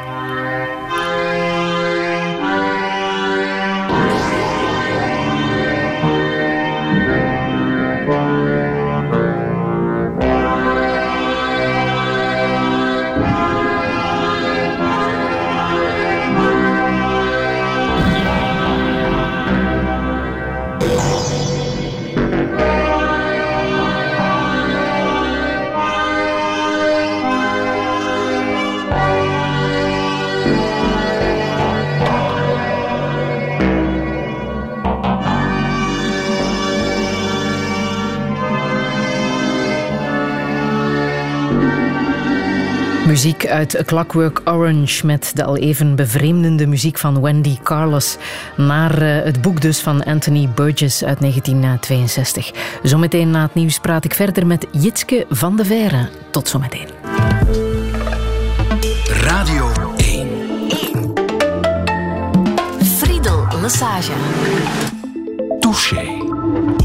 Touché vandaag met Jitske van de Veire, eigenares van de Wakko-kapper in Gent. Haar personeel is technisch werkloos en zelf probeert ze haar dagen als jonge onderneemster zo goed en zo kwaad mogelijk in te vullen. Sociale media is daar één van. 38.000 mensen volgen haar eerlijke posts over body positivity, gendergelijkheid en maanstonden ondergoed. Maar voor ze zich zo openlijk aan de wereld kon blootgeven, moest ze eerst zichzelf aanvaarden.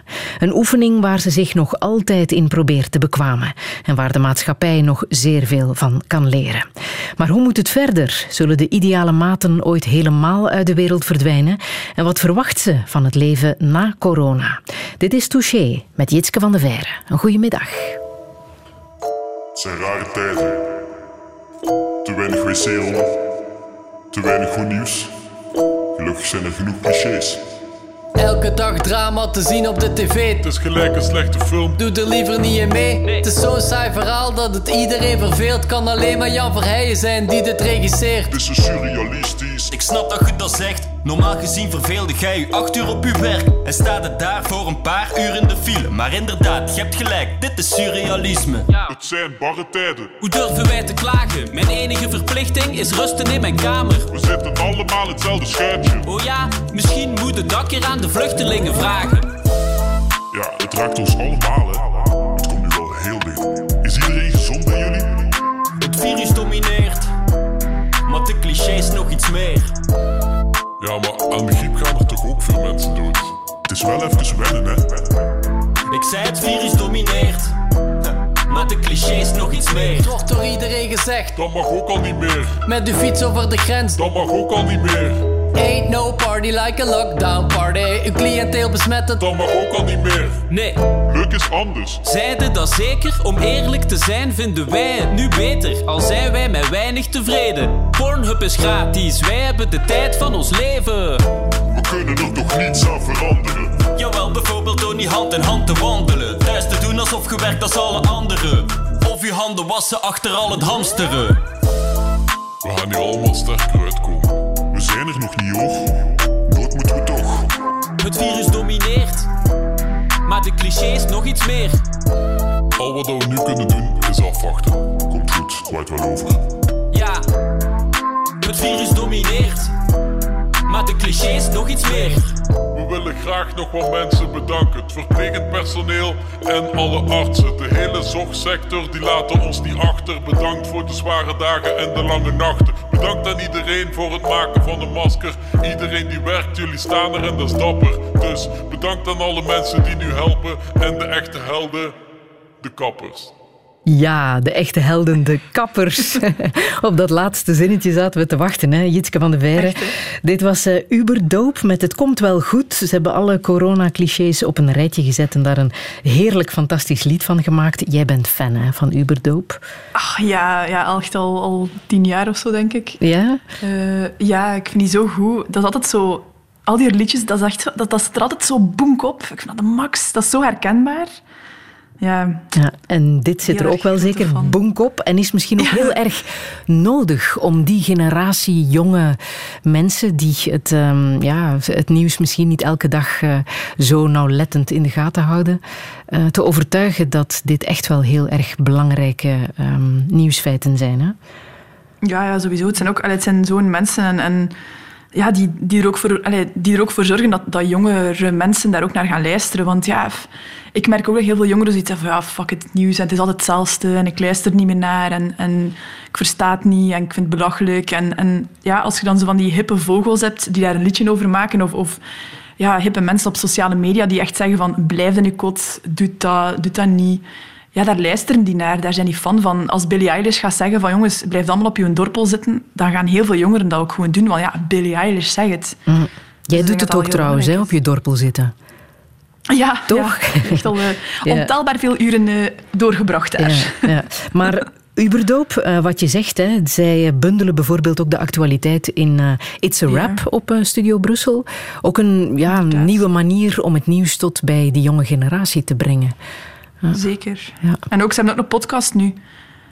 daar heb ik ook al naar zitten luisteren. Sinds twee, drie weken maakt ze een podcast. In de Hijs noemt hij. Op, op Aha. YouTube kun je dat opzoeken. Ja. Ook superleuk. dat- Dus daar ja, zit ze ook van over alles, van alles te babbelen. Ook, ook actuele dingen en, en ook over muziek. Het is echt super tof. Ja. Hoe volg jij het nieuws?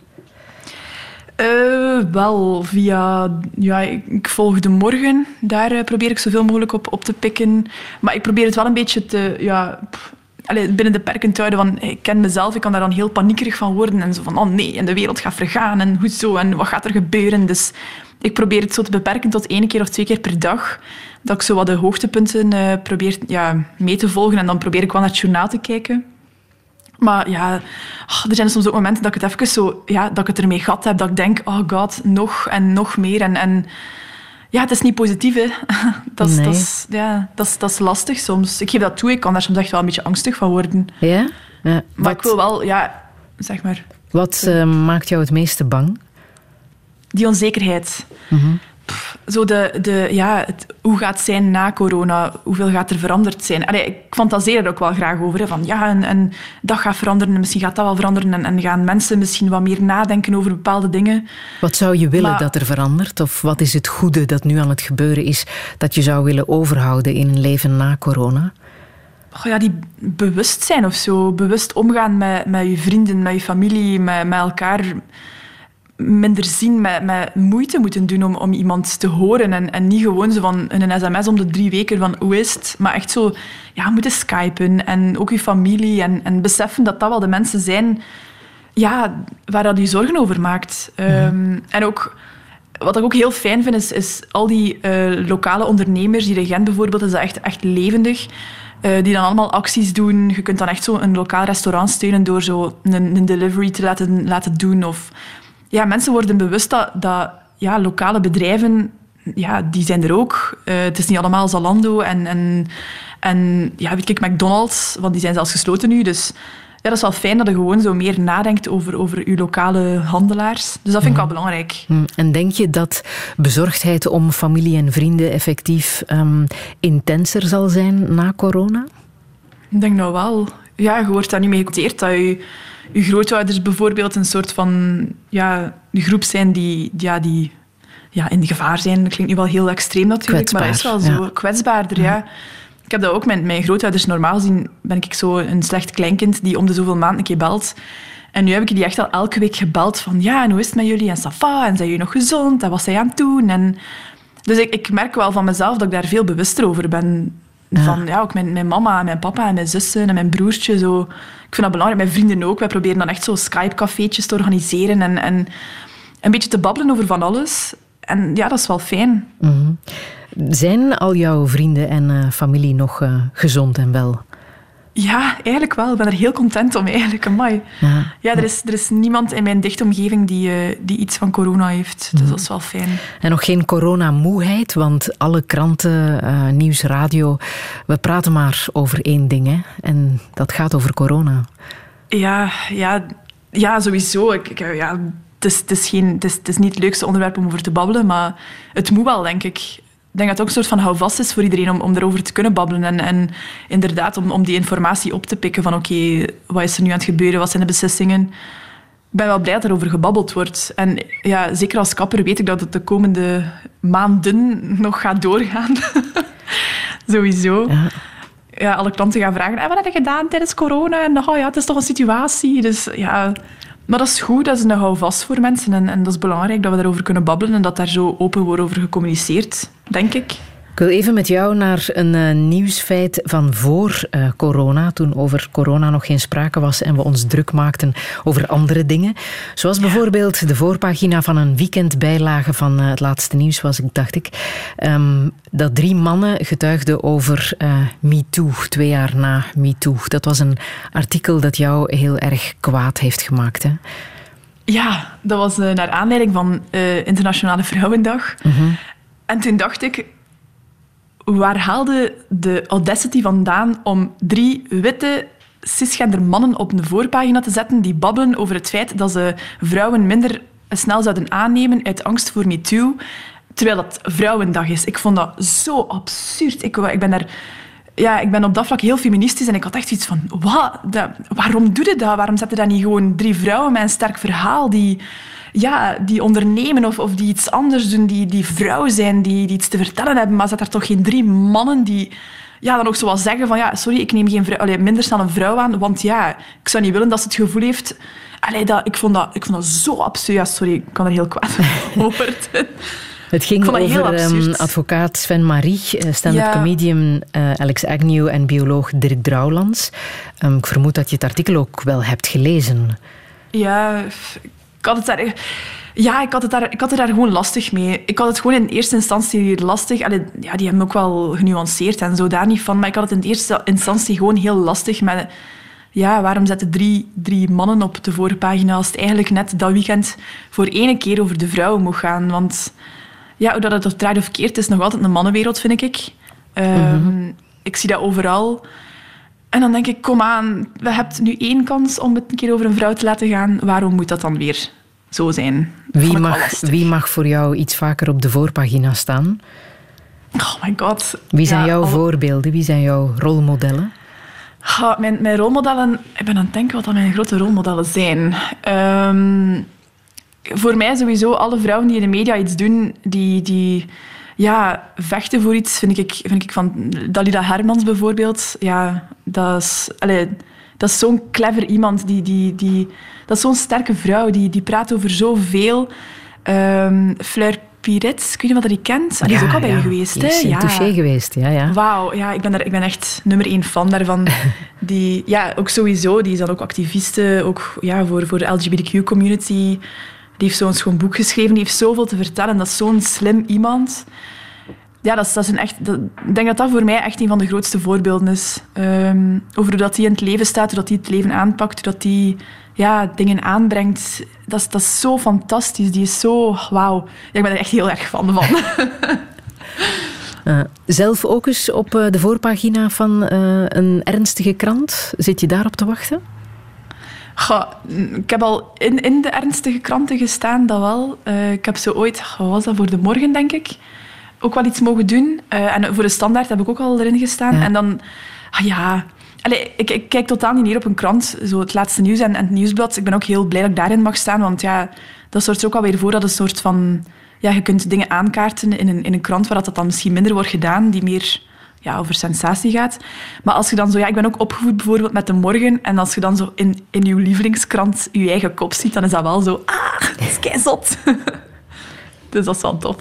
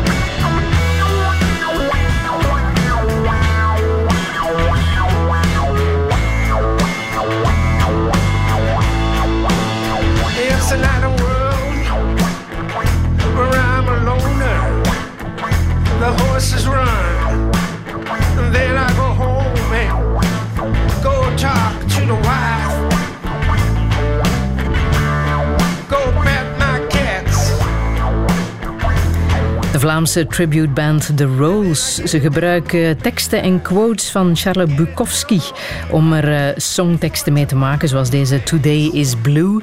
En ik speel het speciaal voor jou, Jitske van de Veer. Dankjewel. Omdat jij een enorme eh, Bukowski-fan bent. Ook alweer een eh, schrijver die ver voor jouw tijd actief was. Hè? ja, dat is waar. Vorig jaar was het 25 jaar geleden dat hij is gestorven.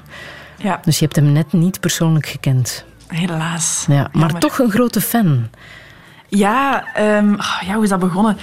Ehm, ik heb ooit van mijn papa een boek gekregen, dat was Post Office. Ehm, en ja, ik had zoiets van, oké, ja, bon. Mijn papa wist dat ik wel fan ben van zo eh, Herman Brusselmans, Dimitri Verhulst, eh, dat dat echt wel mijn lievelingsschrijvers zijn. Dus ja, waarschijnlijk had hij me dat gegeven in de hoop dat dat ook eh, iets voor mij ging zijn. En daar had hij wel gelijk in. Dus ik heb dat boek op twee dagen uitgelezen en ik heb daarna al zijn boeken gekocht. Ehm, ja, en ik, ik weet, zo, mensen zeggen me dat dan vaak van, ja, maar Jitske Bukowski, allee, die mens, dat was echt geen vrouwvriendelijke peet. Allee, die, die, ja, die, die, ja, eh, hij en vrouwen, die heeft ook een boek Vrouwen noemt dat zelf. En dat, ja, dat, gaat, dat is elk hoofdstuk is een andere vrouw dat hij iets mee gedaan heeft. Maar ik ben daar zo fan van hoe dat hij schrijft. Dat is zo rauw en eerlijk en... en ik zeg, allee, ik kan me daar niet helemaal mee vereenzelvigen of zo. Het is niet dat ik zoiets heb van, ja, zo ben ik ook. Maar die, ik had altijd zo het gevoel bij hem dat hij zo heel erg zo, ja, heel felle teksten schreef. En, en, maar dan als je die poëzie las, dat kan dan zo, zo liefdevol zijn en zo intens zijn. En dan denk ik van, amai, die mens, ja, die, dat was ook een mens of zo. Ehm, Die zat er altijd zo boenk op. En oh ja, zo'n fan van. Ja, en het ding is ook zo, al mijn vriendinnen die, die lazen zo Fifty Shades of Grey, en hoe is het allemaal, zo die boeken, wat ik mega oké vind. Ehm, maar ik kon me daar totaal niet in vinden. Dus ik kon me echt verliezen in zo, ja, die, die boeken. En bijvoorbeeld Helaas zit daar dingen. Of, of ja, Mijn hond is dood van Herman Brusselmans. En dan inderdaad ja, Post Office en Vrouwen van Bukowski. Dat, ja, ik vond dat fantastisch. Ja. Nog steeds. De favoriete bezigheid van de hoofdfiguur uit Post Office is eh, drinken, neuken, gokken, briezen, kotsen en naar de radio luisteren. Klassieke muziek. Kijk. Eh, klein detail. Ja. Mm, Maar dat, dat leven dat zo ver over de grenzen gaat, is mm, iets dat je zelf ook wel in jouw studententijd hebt eh, uitgeprobeerd, hè? vertelde je zo net. Ja. Hoe ver ben je toen gegaan? Ja, wat is het verst dat ik gegaan ben? Ja, zo... Ja, ik heb allee, zo ook wel wat drugs geprobeerd. allee, ook wel daar vrij, vrij ver gegaan. Is nooit problematisch geweest of zo.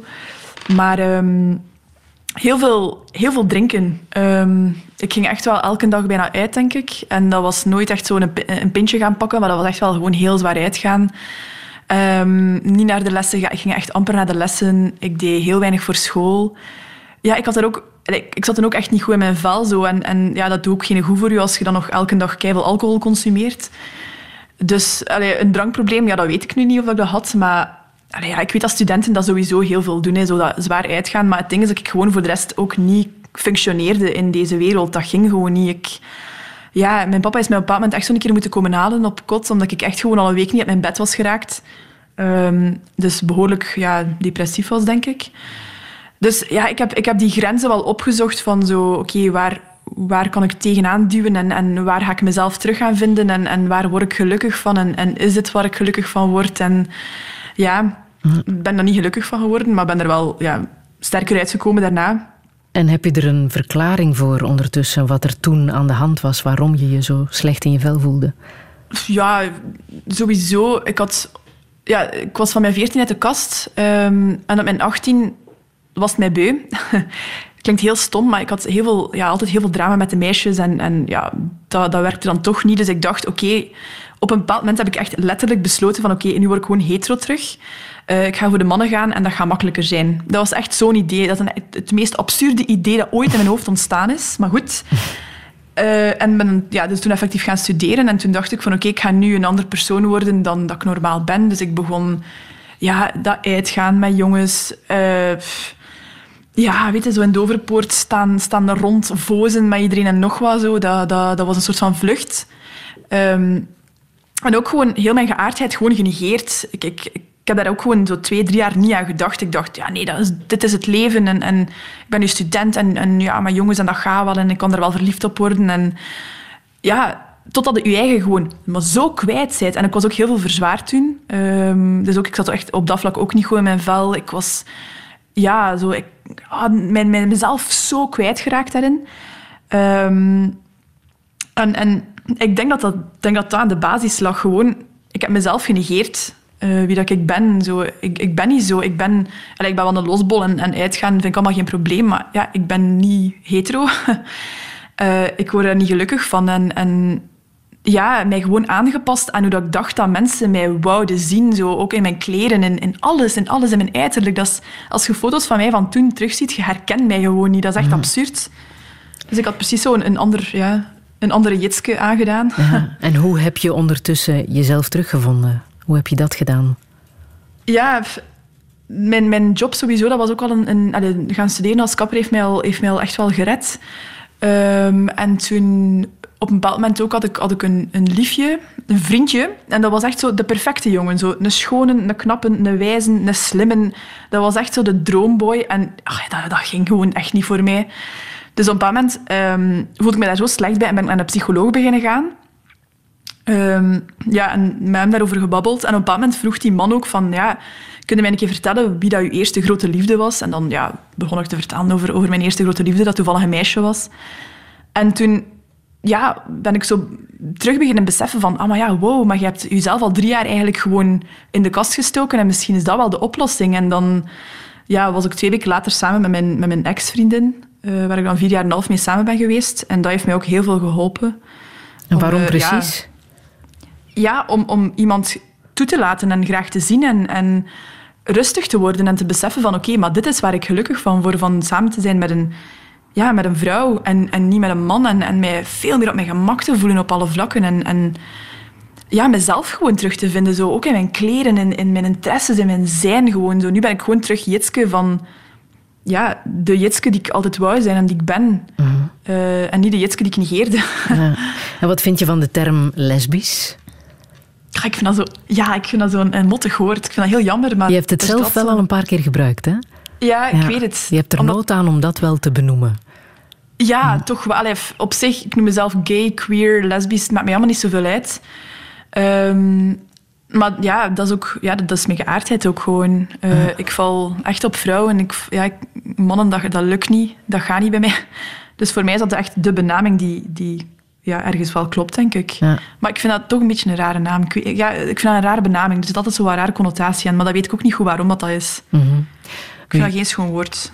Krijg je nog rare reacties op het feit dat je dat benoemt? Dat je bent wie je bent? Mm, Dat valt goed mee. Eh, ook omdat veel mensen mij nu ook wel kennen, denk ik. ja, ja, van die reacties van, oh, maar je ziet er toch niet zo uit. En allee, eh, ja, soms krijg ik ook wel een keer reacties van, allee, ik zal een keer eh, zo, van mannen dan, zo zeker zat geweest, van ja, maar je hebt gewoon nog nooit een deftige vent gehad. En allee, zo die dingen. Ehm, maar voor de rest heb ik daar eigenlijk heel weinig haat of zo. Allee, bij mij valt dat echt heel goed mee. Mensen zijn heel braaf naar mij toe. Op Instagram merk ik wel, vroeger dan, als ik bijvoorbeeld een foto postte eh, van mij en mijn ex, dan, eh, dan verloor ik wel standaard 200 volgers. Ja? dat, was een, ja, dat was een tendens. Ehm, maar En hoe kwam dat, het. denk je? Dat waren misschien mensen die ook niet direct door hadden dat dat, dat, dat mijn geaardheid is en die daar misschien ook niet helemaal achter staan, wat dat ook ja, ieders recht is, denk ik. En dat is wel jammer natuurlijk. Het zou fijn zijn mocht iedereen daar gewoon normaal over doen, want dat is ook maar gewoon dit. Ehm, maar die daar ja, misschien niet mee geconfronteerd willen worden dat dat bestaat. Je bent sinds vorig jaar ambassadeur van Wel Jong Niet Hetero. Nog altijd heel erg nodig dat zo'n organisatie bestaat en eh, Ja. zich laat gelden? Zeker, Ehm, ja, sowieso. Zeker ook in, in deze tijd met, socia- allee, met sociale media en zo. Ehm, ja, wij zijn ook een soort van, ja, een soort van uithangbord voor, voor jongeren dan. Ja, en, en ik merk ook, ik krijg dagelijks nog, nog berichten van, van jonge mensen die sturen van ja, Ietske, dankzij, dankzij jullie of dankzij wel niet hetero, eh, durf ik uit de kast te komen, durf ik naar mijn ouders toe te stappen en mijn familie en te zeggen van hallo, ik ben, ik ben wie ik ben en, en mijn geaardheid is dit of ik, of, of, mijn, of ik ben trans of, of alles daar rond en daartussen. Ehm, ja, omdat wij ook heel bereikbaar zijn. We zijn opeens een soort van rolmodel. Een rolmodel dat ik vroeger absoluut niet had. Waar ik, ook, ja, ik ben ook wel dankbaar dat ik dat kan zijn voor, voor jonge mensen. Het moet maar één iemand zijn die, die het gevoel heeft van oké, nu kan ik mezelf zijn. En nu heb ik de, de kracht gevonden dankzij een, een Jitske, een Oei en Senne die, die zichzelf zo profileren. Dus dat is super belangrijk dat je gewoon kunt opkijken naar iemand die dat ook heeft, die hetzelfde is als u. Ja. Ja. Dus Ook in superbelangrijk. 2020. Ja. Zelfs in 2020, zeker.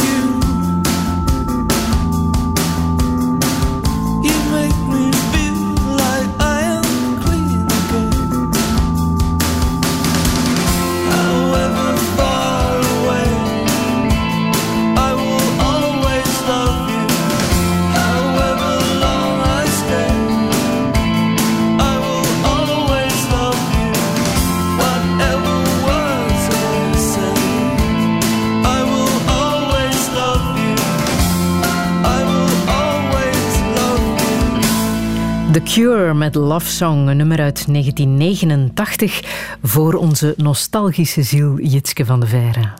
Het valt op, hè? Ja, het is niet normaal eigenlijk. Alles van voor jouw eigen geboortejaar. Inderdaad. Ja, wat heb je met dit nummer? Ja, ik vind dat gewoon het, het mooiste liefdesnummer ooit geschreven. Dat is zo zweverig. Oh, ik, vind dat, ik vind dat zo goed. Ja, en The Cure, ik ben er ook wel echt allee, een gigantische fan van. Eh, sowieso. Maar dat nummer, van ja, eh, Robert? Ah, ja, die mens, hoe ziet hij eruit? Heerlijk, dat haar. Love it. Ja, ja, ja, ja.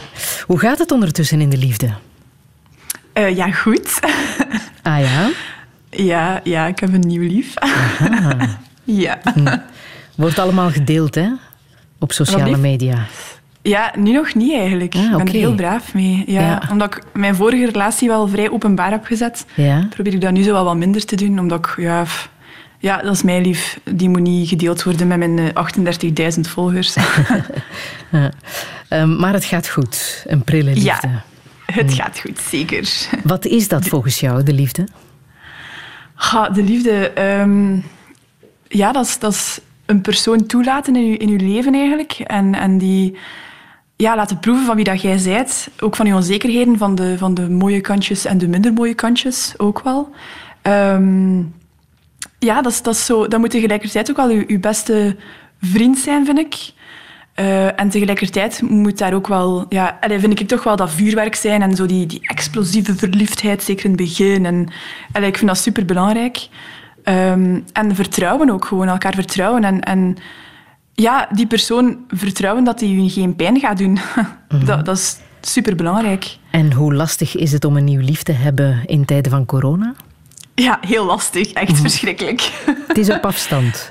Ja, liefde in tijden van corona is eh, zeer pittig. Ja, dat is echt zo elke avond twee uur skypen en elkaar heel de dag horen. En ja, het leuke is wel, je moet elkaar wel op een andere manier leren kennen nu, omdat de, ja, je kunt niet heel de tijd bij elkaar zijn. Dus je, je praat over alles, wat dat super fijn is. Dus je, je creëert echt wel een band. Ja, eerst praten en dan de, echte rest. liefde bedrijven. Dan de rest. ja. Ja. Nu, het cliché zegt dat je pas een ander graag kan zien als je jezelf graag ziet. Hè? Het is een cliché dat ik bij jou toch wil bovenhalen. Hoe zit het ondertussen met jezelf graag zien? Ja, ça va wel. Ehm, dat is bij mij altijd een ups en downs. Er zijn ook momenten dat ik dat moeilijker vind. Bijvoorbeeld nu, in deze tijden, in zo heel het binnenzitten en geconfronteerd worden met jezelf, dat is niet altijd even makkelijk wel. Eh, dan kunnen zo mijn, mijn donkere geesten nog eens boven komen drijven, maar dan ga ik gaan wandelen of dan skype ik met mijn vrienden en dan is dat weer oké. Ehm, maar ik zeg dat ook altijd van... Omarm ook die dagen. Er, zijn, er gaan altijd dagen zijn dat je niet goed in je vel voelt. En dat je, dat je denkt van, oh, hoe zie ik eruit? Of wie ben ik? En wat doe ik met mijn leven? En oh, die pijst en, en dat. En dat is oké. Als je die dagen kunt, kunt aanvaarden, dan, dan zijn alle goede dagen nog zo goed, denk ik. En hoe doe Klinkt jij dat, zo'n zo'n off-day aanvaarden? Hoe doe jij dat? Wat heb je dan nodig? Ach, wat heb ik dan nodig? Eh, ja, dan, dan, dan kijk ik naar Lord of the Rings of zo, of naar Harry Potter. Ja. Eh, of dan zet ik gewoon luide muziek op en, en loop ik hier wat te dansen. En, en dan ja, hou ik mij bezig met, met andere dingen. Probeer ik ja, een beetje voor mijn zaak te werken of, of effectief gaan wandelen of, of een keer aan mijn vrienden sturen. Echt gewoon bezig blijven. En, en, ja, of ook, en als het echt niet gaat, lijk ik ook gewoon onbeschaamd in mijn bed te blijten en, en ja, mij ook een keer niet goed te voelen. En dat is ook oké. zo die je moogt daar wel een keer niet gelukkig over zijn, over jezelf. Dat, is, dat is belangrijk. Hoe, ehm, hoe, hoe eh, helpen de CBD-druppeltjes? Ah, ja, die helpen wel. Ja? Ja, dat is ook zeker omdat... ehm, ja, ik zeg, ik ben een heel onrustig iemand. Dus ik, mijn, mijn hoofd staat nooit stil. Ehm, en die, ja, ik, ben, ik ben ook iemand, zeker nu, die heel veel stress heeft. eh, voor de stomste dingen, heel onbewust ook vaak. Eh, en dat helpt wel om mijzelf een beetje rustiger te maken. Het is niet dat ik hier zo high of een kwartel rondloop. Maar je, bent daar, je wordt daar gewoon rustig van. En die stress gaat een beetje naar beneden. En je kunt perfect functioneren. En dat is, dat is echt heel, heel fijn. En ik heb er ook om te gaan slapen. eh, want ik slaap heel slecht nu. Doordat mijn ritme volledig ja, onder, ja, onderbroken is en helemaal anders is nu. Ehm, en die druppeltjes zorgen er wel voor dat ik echt gewoon s ochtends uitgeslapen ben. En niet ja, om de drie uur wakker ben geworden. En, en ja, niet meer, niet meer in slaap dat is eh, medicinale cannabis, hè? Ja, ja, Ja. dus dat is niet En hoe ben je daarmee begonnen?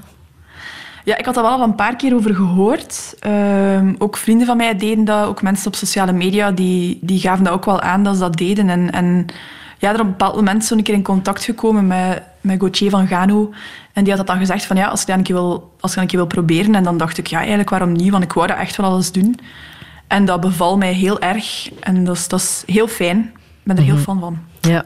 Helpt het ook als je weer eens een nieuwe post op Instagram zet in je ondergoed met de tattoos? Sowieso heb ik altijd een beetje stress dan als ik dat doe. Ja, dat Nog kan ik me wel voorstellen, ja. Ja, intussen, allee, dat is, dat is- ja, ik doe dat nu al een paar jaar, dus het is, het, is een, het is een gewoonte geworden. Maar toch, ik heb al, ja, ik heb al heel veel drek over mij gekregen, over, over die posts natuurlijk. Eh, mensen begrijpen dat niet altijd. Nu valt dat mee intussen. Mensen zijn het gewoon aan het worden van mij. Ehm, dus die stress is er altijd wel. Eh, als ik dat post, ik kijk ook het eerste uur even niet meer wat dat er gezegd wordt op die foto. Want het lijkt alsof jij je prima in je vel voelt. Hè? Als je zoiets doet, eh, half naakt in je ondergoed, eh, de niet meest flatterende poses aanneemt en daar dan foto's van neemt, dan lijkt het alsof je je heel erg goed in je vel voelt. Maar het is misschien net het omgekeerde. Ja, ik, zeg dat, ik probeer ook altijd heel erg te, te nuanceren en uit te leggen op die foto van kijk, ja, dat, mensen vragen mij dat ook van allee, jij, moet toch zo zeker zijn in je vel. En ik heb effectief ik heb geen probleem om, om in mijn onderbroek rond te lopen ergens, of, of, dat vind ik allemaal geen probleem. Maar ja, je wordt ook wel gewoon door die foto's geconfronteerd met jezelf. En ja, voor mij heeft dat ook wel geholpen om, om mezelf te aanvaarden, om, om ja, oog in oog te staan met, met, met de, de zaken waar je zelf onzeker van wordt. Dat is heel confronterend in het begin, maar dat went ook wel. En, en dat heeft ervoor gezorgd dat ik mezelf echt wel oprecht liever heb leren zien. Aha, Het heeft ook Nog een steeds. term, hè? body positivity. Wat is dat precies? Ja, dat is zo'n heel overkoepelende term. Mensen denken vaak dat dat over gewicht gaat alleen, maar dat gaat over alles. Dat gaat over jezelf eh, leren aanvaarden, jezelf leren graag zien en, en ja, ja, gewoon vrede te nemen met jezelf. Ehm, en dat is ook oké als dat niet altijd lukt en daar ook over, gewoon, daarover te babbelen. Dat dat, ja, door, door, door te zien, bijvoorbeeld, ja, vroeger was dat alleen maar in de flair en, en wat is allemaal van die magere, mooie meisjes, wat dat mega oké is. Maar je moet alles laten zien, je moet het hele spectrum laten zien, je moet iedereen laten zien en dat is gewoon superbelangrijk. En dat, ja, dat gaat verder dan, ik zeg het, gewicht. Dat kan ook over een neus gaan. Of iemand die bijvoorbeeld ehm, een arm kwijt is. Of iemand die in een rolstoel zit.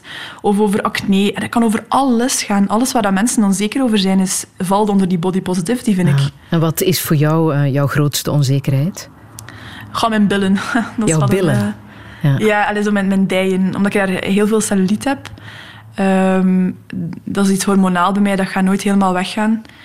Ik heb dat al ja, tien jaar of zo, denk ik. Ja, en nu heb ik wel een, een, een appelsien laten tatoeëren daarop om het een beetje mooi te maken. Maar dat gaat, ja, ik, ik geef dat ook goed. Dat gaat altijd een onzekerheid van mij zijn. Altijd. Maar ik leef daar ook gewoon mee en ik leer daar ook mee leven. En, en ik leer die ook wel graag zien en ik leer dat vooral gewoon omarmen dat dat er is. Je weet dat cellulitis ook gewoon een businessmodel is, hè? Het is dat. Ja, hoop in een potje. Inderdaad. Waar heel, veel- heel veel zalfjes mee eh, verkocht worden. Wat Oh ja, eh, sowieso. niet altijd nodig is. Ja. Inderdaad. Maar het staat niet gelijk aan eh, ongezond leven, hè, die body positivity. Nee, want ja, ik merk ook vaak mensen dan zeggen van ja, maar je promoot ongezond zijn en je promoot eten. En, en dan denk ik van ja, nee, want ik sport ook gewoon elke week en, en ik eet ook gewoon vrij gezond met momenten. Dus ja, het gaat vooral over jezelf omarmen, op welke manier dan ook. Als ja, ook, ook ja, vrouwen die elke dag in de sportschool staan en er super strak uitzien, dat is ook body positivity. Dat is ook gewoon ja, positief zijn over je eigen lichaam en, en ja, je eigen lichaam omarmen en, en jezelf omarmen. Dat is, dat is, het gaat zoveel verder dan, dan gewicht of ongezond zijn of, of dik of dun of, of alles daartussen. En het is ook helemaal oké om complexen te hebben over jouw lichaam. Ja. Dat mag ook. Je mag daar eens wakker van liggen. Maar ja, want dan merk ik ook dat dat dan ook een taboe wordt van ja, maar ja, je moet elke dag content zijn. Maar nee, je moet niet elke dag content zijn. Allee, niemand is elke dag content over zichzelf. Ja. En dat is ook oké, weet je. je- Ja, ik zeg het, die, die momenten zorgen er ook voor dat je je eigen alleen nog maar meer graag kunt zien als je een goed moment hebt. Ja. Ik denk dat dat zo belangrijk is. Hoe gek is het als de foto's die jij post omwille van die body positivity ook worden gecensureerd? Want dat is ook al gebeurd, hè? Ja, ja dat is ook wel... Ja, ja, ja, op Instagram ben ik ooit een keer eh, een paar weken eh, onzichtbaar geweest, omdat er eh, een seksuele handeling zogezegd aanwezig was. Ja, dat, dat, is heel raar, want ja, grote bedrijven die, die mogen dat precies wel. Bijvoorbeeld, ik had dan een, foto van een, van een topmodel waar, waar dat er duidelijk een tepel zichtbaar was. En die, die mocht op Instagram staan. Maar dan andere ja, zaken worden wel gecensureerd. Een, een bloot bovenlijf van een man, eh, dat mag wel. Maar een, een, een vrouw die ja, zogezegd een seksuele handeling uitvoert, terwijl dat totaal niet zo is, dat mag dan niet. Dus je, dat is dan weer een bevestiging dat de, ja, je wordt super hard geseksualiseerd ook gewoon. Terwijl dat je gewoon een, een statement probeert te maken. Ja. Is, dat is zo dubbel. Ja, en het is ook gek natuurlijk als mensen jou dan aanmoedigen en zeggen: Wauw, hoeveel lef heb jij dat je dat durft doen? Ja, dan denk ik van, maar het is ook maar dat. Hè. Je loopt toch ook in een bikini rond op het strand. Zo. Dat, dat is gelijk dat mensen het ook allemaal heel straf vinden dat ik zo durf uit te komen voor mijn geaardheid. En dan denk ik, ja, maar als niemand het doet, gaat, gaat, gaat iedereen het altijd een, een strafverhaal vinden. Zo. Het moet gewoon normaal worden. Allee, normaal. Het moet gewoon... Ja, normaal zijn. Ja, in, in onze samenleving aanvaard worden, gelijk dat een, een heterokoppel aanvaard wordt. Ja. en Dus, dat we ja. daar in een radiogesprek niet eens meer hoeven over te praten. Zo normaal. Inderdaad.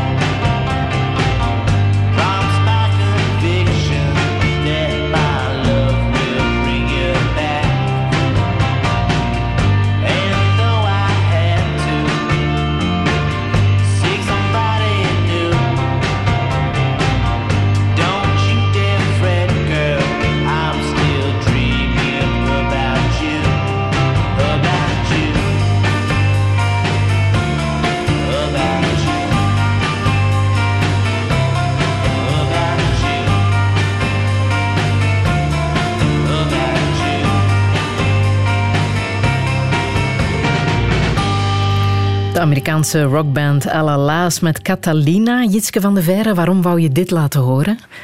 Ach, dat is mijn nummer één liedje. Is het waar? Dat is echt... Ja, ik, vind dat, ik heb dat een paar jaar geleden ontdekt via een vriend van mij die dat doorstuurde. En die zei van, je gaat dat echt goed vinden. En ik heb die intussen ook al drie keer live gezien, die man. Dus eh, ik ben echt wel fan daarvan. Ja, en dat is, dat is zo heel ja, zweverig. Dat, dat lijkt precies zo muziek uit de jaren 60 of zo, of jaren 70. Maar ik vind dat zo schoon. Dat is heel zweverig, ook die, die concerten. Dat zijn de, de rustigste concerten van, van, dat ik ooit gezien heb. Die staan er gewoon op de gemak op de gitaar te tokkelen. En, en je kunt echt zo helemaal verdwijnen in die muziek. Echt gewoon, die komt zo over u. Ach, love it. Jitske, jij bent 27 ondertussen, hè? Bijna, bijna. Allee, bijna. bijna. Op 11 september. Mhm. Hm, Interessante datum. ja, zeker. Ja. Wat zou jij nog willen in het leven? Ehm, ga, nog zoveel. Maar vooral, ik zeg dat altijd, maar dat klinkt altijd heel stom, maar vooral een beetje rustiger worden. Ik hoop dat ik ooit zo wel gewoon ja, rust vind in alles wat ik doe en niet meer de nood heb om ja, die wervelwindmens te zijn. Ehm, dat hoop ik ooit. Dus rust voor mezelf, dat zou tof zijn. Maar momenteel, ja, alles, de wereld veroveren zou ik graag doen. Hè. Allee, mijn wereld veroveren. Kunnen, kunnen kinderen passen in die rustige wereld waar je van droomt? Ik weet dat niet. Ehm, ik, ben er heel, ik heb er al heel veel over nagedacht. eh, maar ik, ik denk eerder niet. Omdat ik, ja, ik ben zo bezig met van alles en, en met mezelf vaak ook. Ehm, en ik heb zo weinig tijd. En ik weet ook niet of ik daar tijd voor zou willen maken voor een kindje. En ik merk vaak dat mensen dan zeggen van ja, maar dat kan nog komen en, en je bent nog jong. Maar ja, ook in, in deze wereld, allee, dat klinkt altijd heel negatief van mij. Dan denk ik van, ik weet niet of ik wel een kind in deze wereld wil zetten. En, en ook de verantwoordelijkheid wil om, om ja, een kind op te voeden en, en mijn normen en waarden mee te geven. Want wie weet zijn dat geen. Allee, ik kan daar heel, ja, heel, heel bewust over nadenken. Van, en ik moet er ook heel bewust over nadenken, want ik kan niet per ongeluk zwanger worden, want dat zou heel awkward zijn.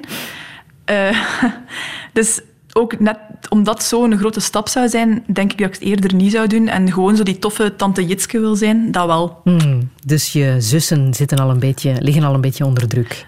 Ja, die, eh, het ligt allemaal in Hilderanden. ik, zag ik, wel, eh, ik zou wel de suikertante zijn dan. Plannen met de Wakko Kapper. Blijf jij kapster tot je 65 of 67? Of hoe lang jij ook zal moeten of Geen mogen werken? Geen idee. Ja, sowieso. Er zijn wel plannen. Allee, maar dat zal, ja, dat zal ooit nog wel duidelijk worden. Een Ehm, van die duizend plannetjes? Wie weet, wie weet. Ehm, maar sowieso, ja, de kapperswereld is, is ook een, een wereld waar er nog heel veel kan aangepast worden.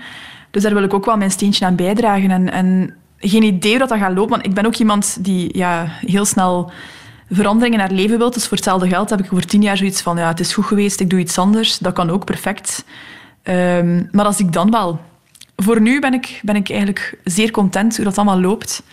En ik zie ook wel wat er op mij afkomt nog. Ja, maar de kapperswereld is een wereld waar heel veel verandering eh, is.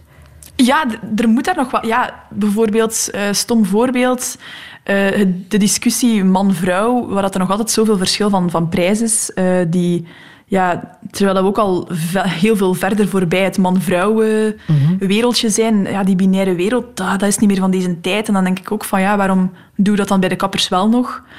Ehm, Je dus dat bedoelt vind ik heel dat je dat, dat vertaalt in, in kapsels? Ja, ook, ook, en ook in de prijszetting bijvoorbeeld. Ja, de man is nog altijd goedkoper, terwijl ik aan mannen vaak meer werk heb dan aan de puntjes. Dat is, dat is heel, heel absurd. Ehm, dus daar vind ik dat er nog wel wat mag veranderen. En ook ja, producten, alles... allee, heel veel producten beginnen nu wel vegan te worden en, en goed voor het milieu. En, en daar ben ik ook wel heel blij om. Eh, en ook, ja, ik zei het nogmaals, de perceptie naar kappers toe. hè. We zijn niet allemaal dommerikken die alleen maar over het weer kunnen babbelen. Allee, we zijn allemaal creatieve mensen die ja, uw haar omtoveren naar iets, iets moois, waar jij content mee bent. Dus het is een wereld waar het er nog wel wat in mag veranderen. Ja. Welke boodschap wil je hier nog meegeven tot slot? Ja, ik denk ook de boodschap waar ik mee begonnen ben. Ehm, probeer jezelf elke dag een beetje te ontarm- om, omarmen. Eh, wees content met jezelf. En, en ook in deze tijden, ja, probeer jezelf een beetje te leren kennen. En, en ik zeg het, zie je vrienden en je familie graag. En, en alles komt altijd goed, zeg ik ook. Klinkt heel stom, maar dat is wel zo. Ja. Ik heb tot slot nog Tokyo Hotel voor jou klaarstaan. Monsoon. Zalig. Ja? Oké. Ja, beste afsluiter ooit. Voilà.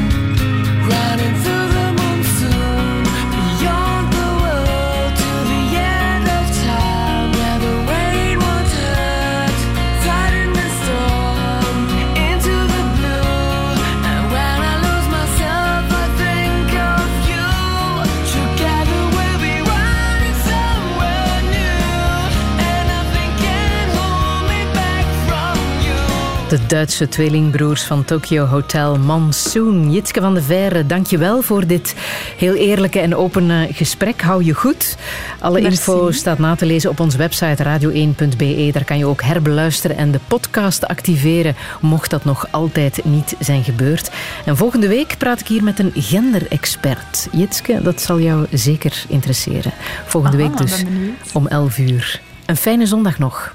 Merci. Salut. Herbeluister Douché via de podcast, de Radio 1-app en radio1.be.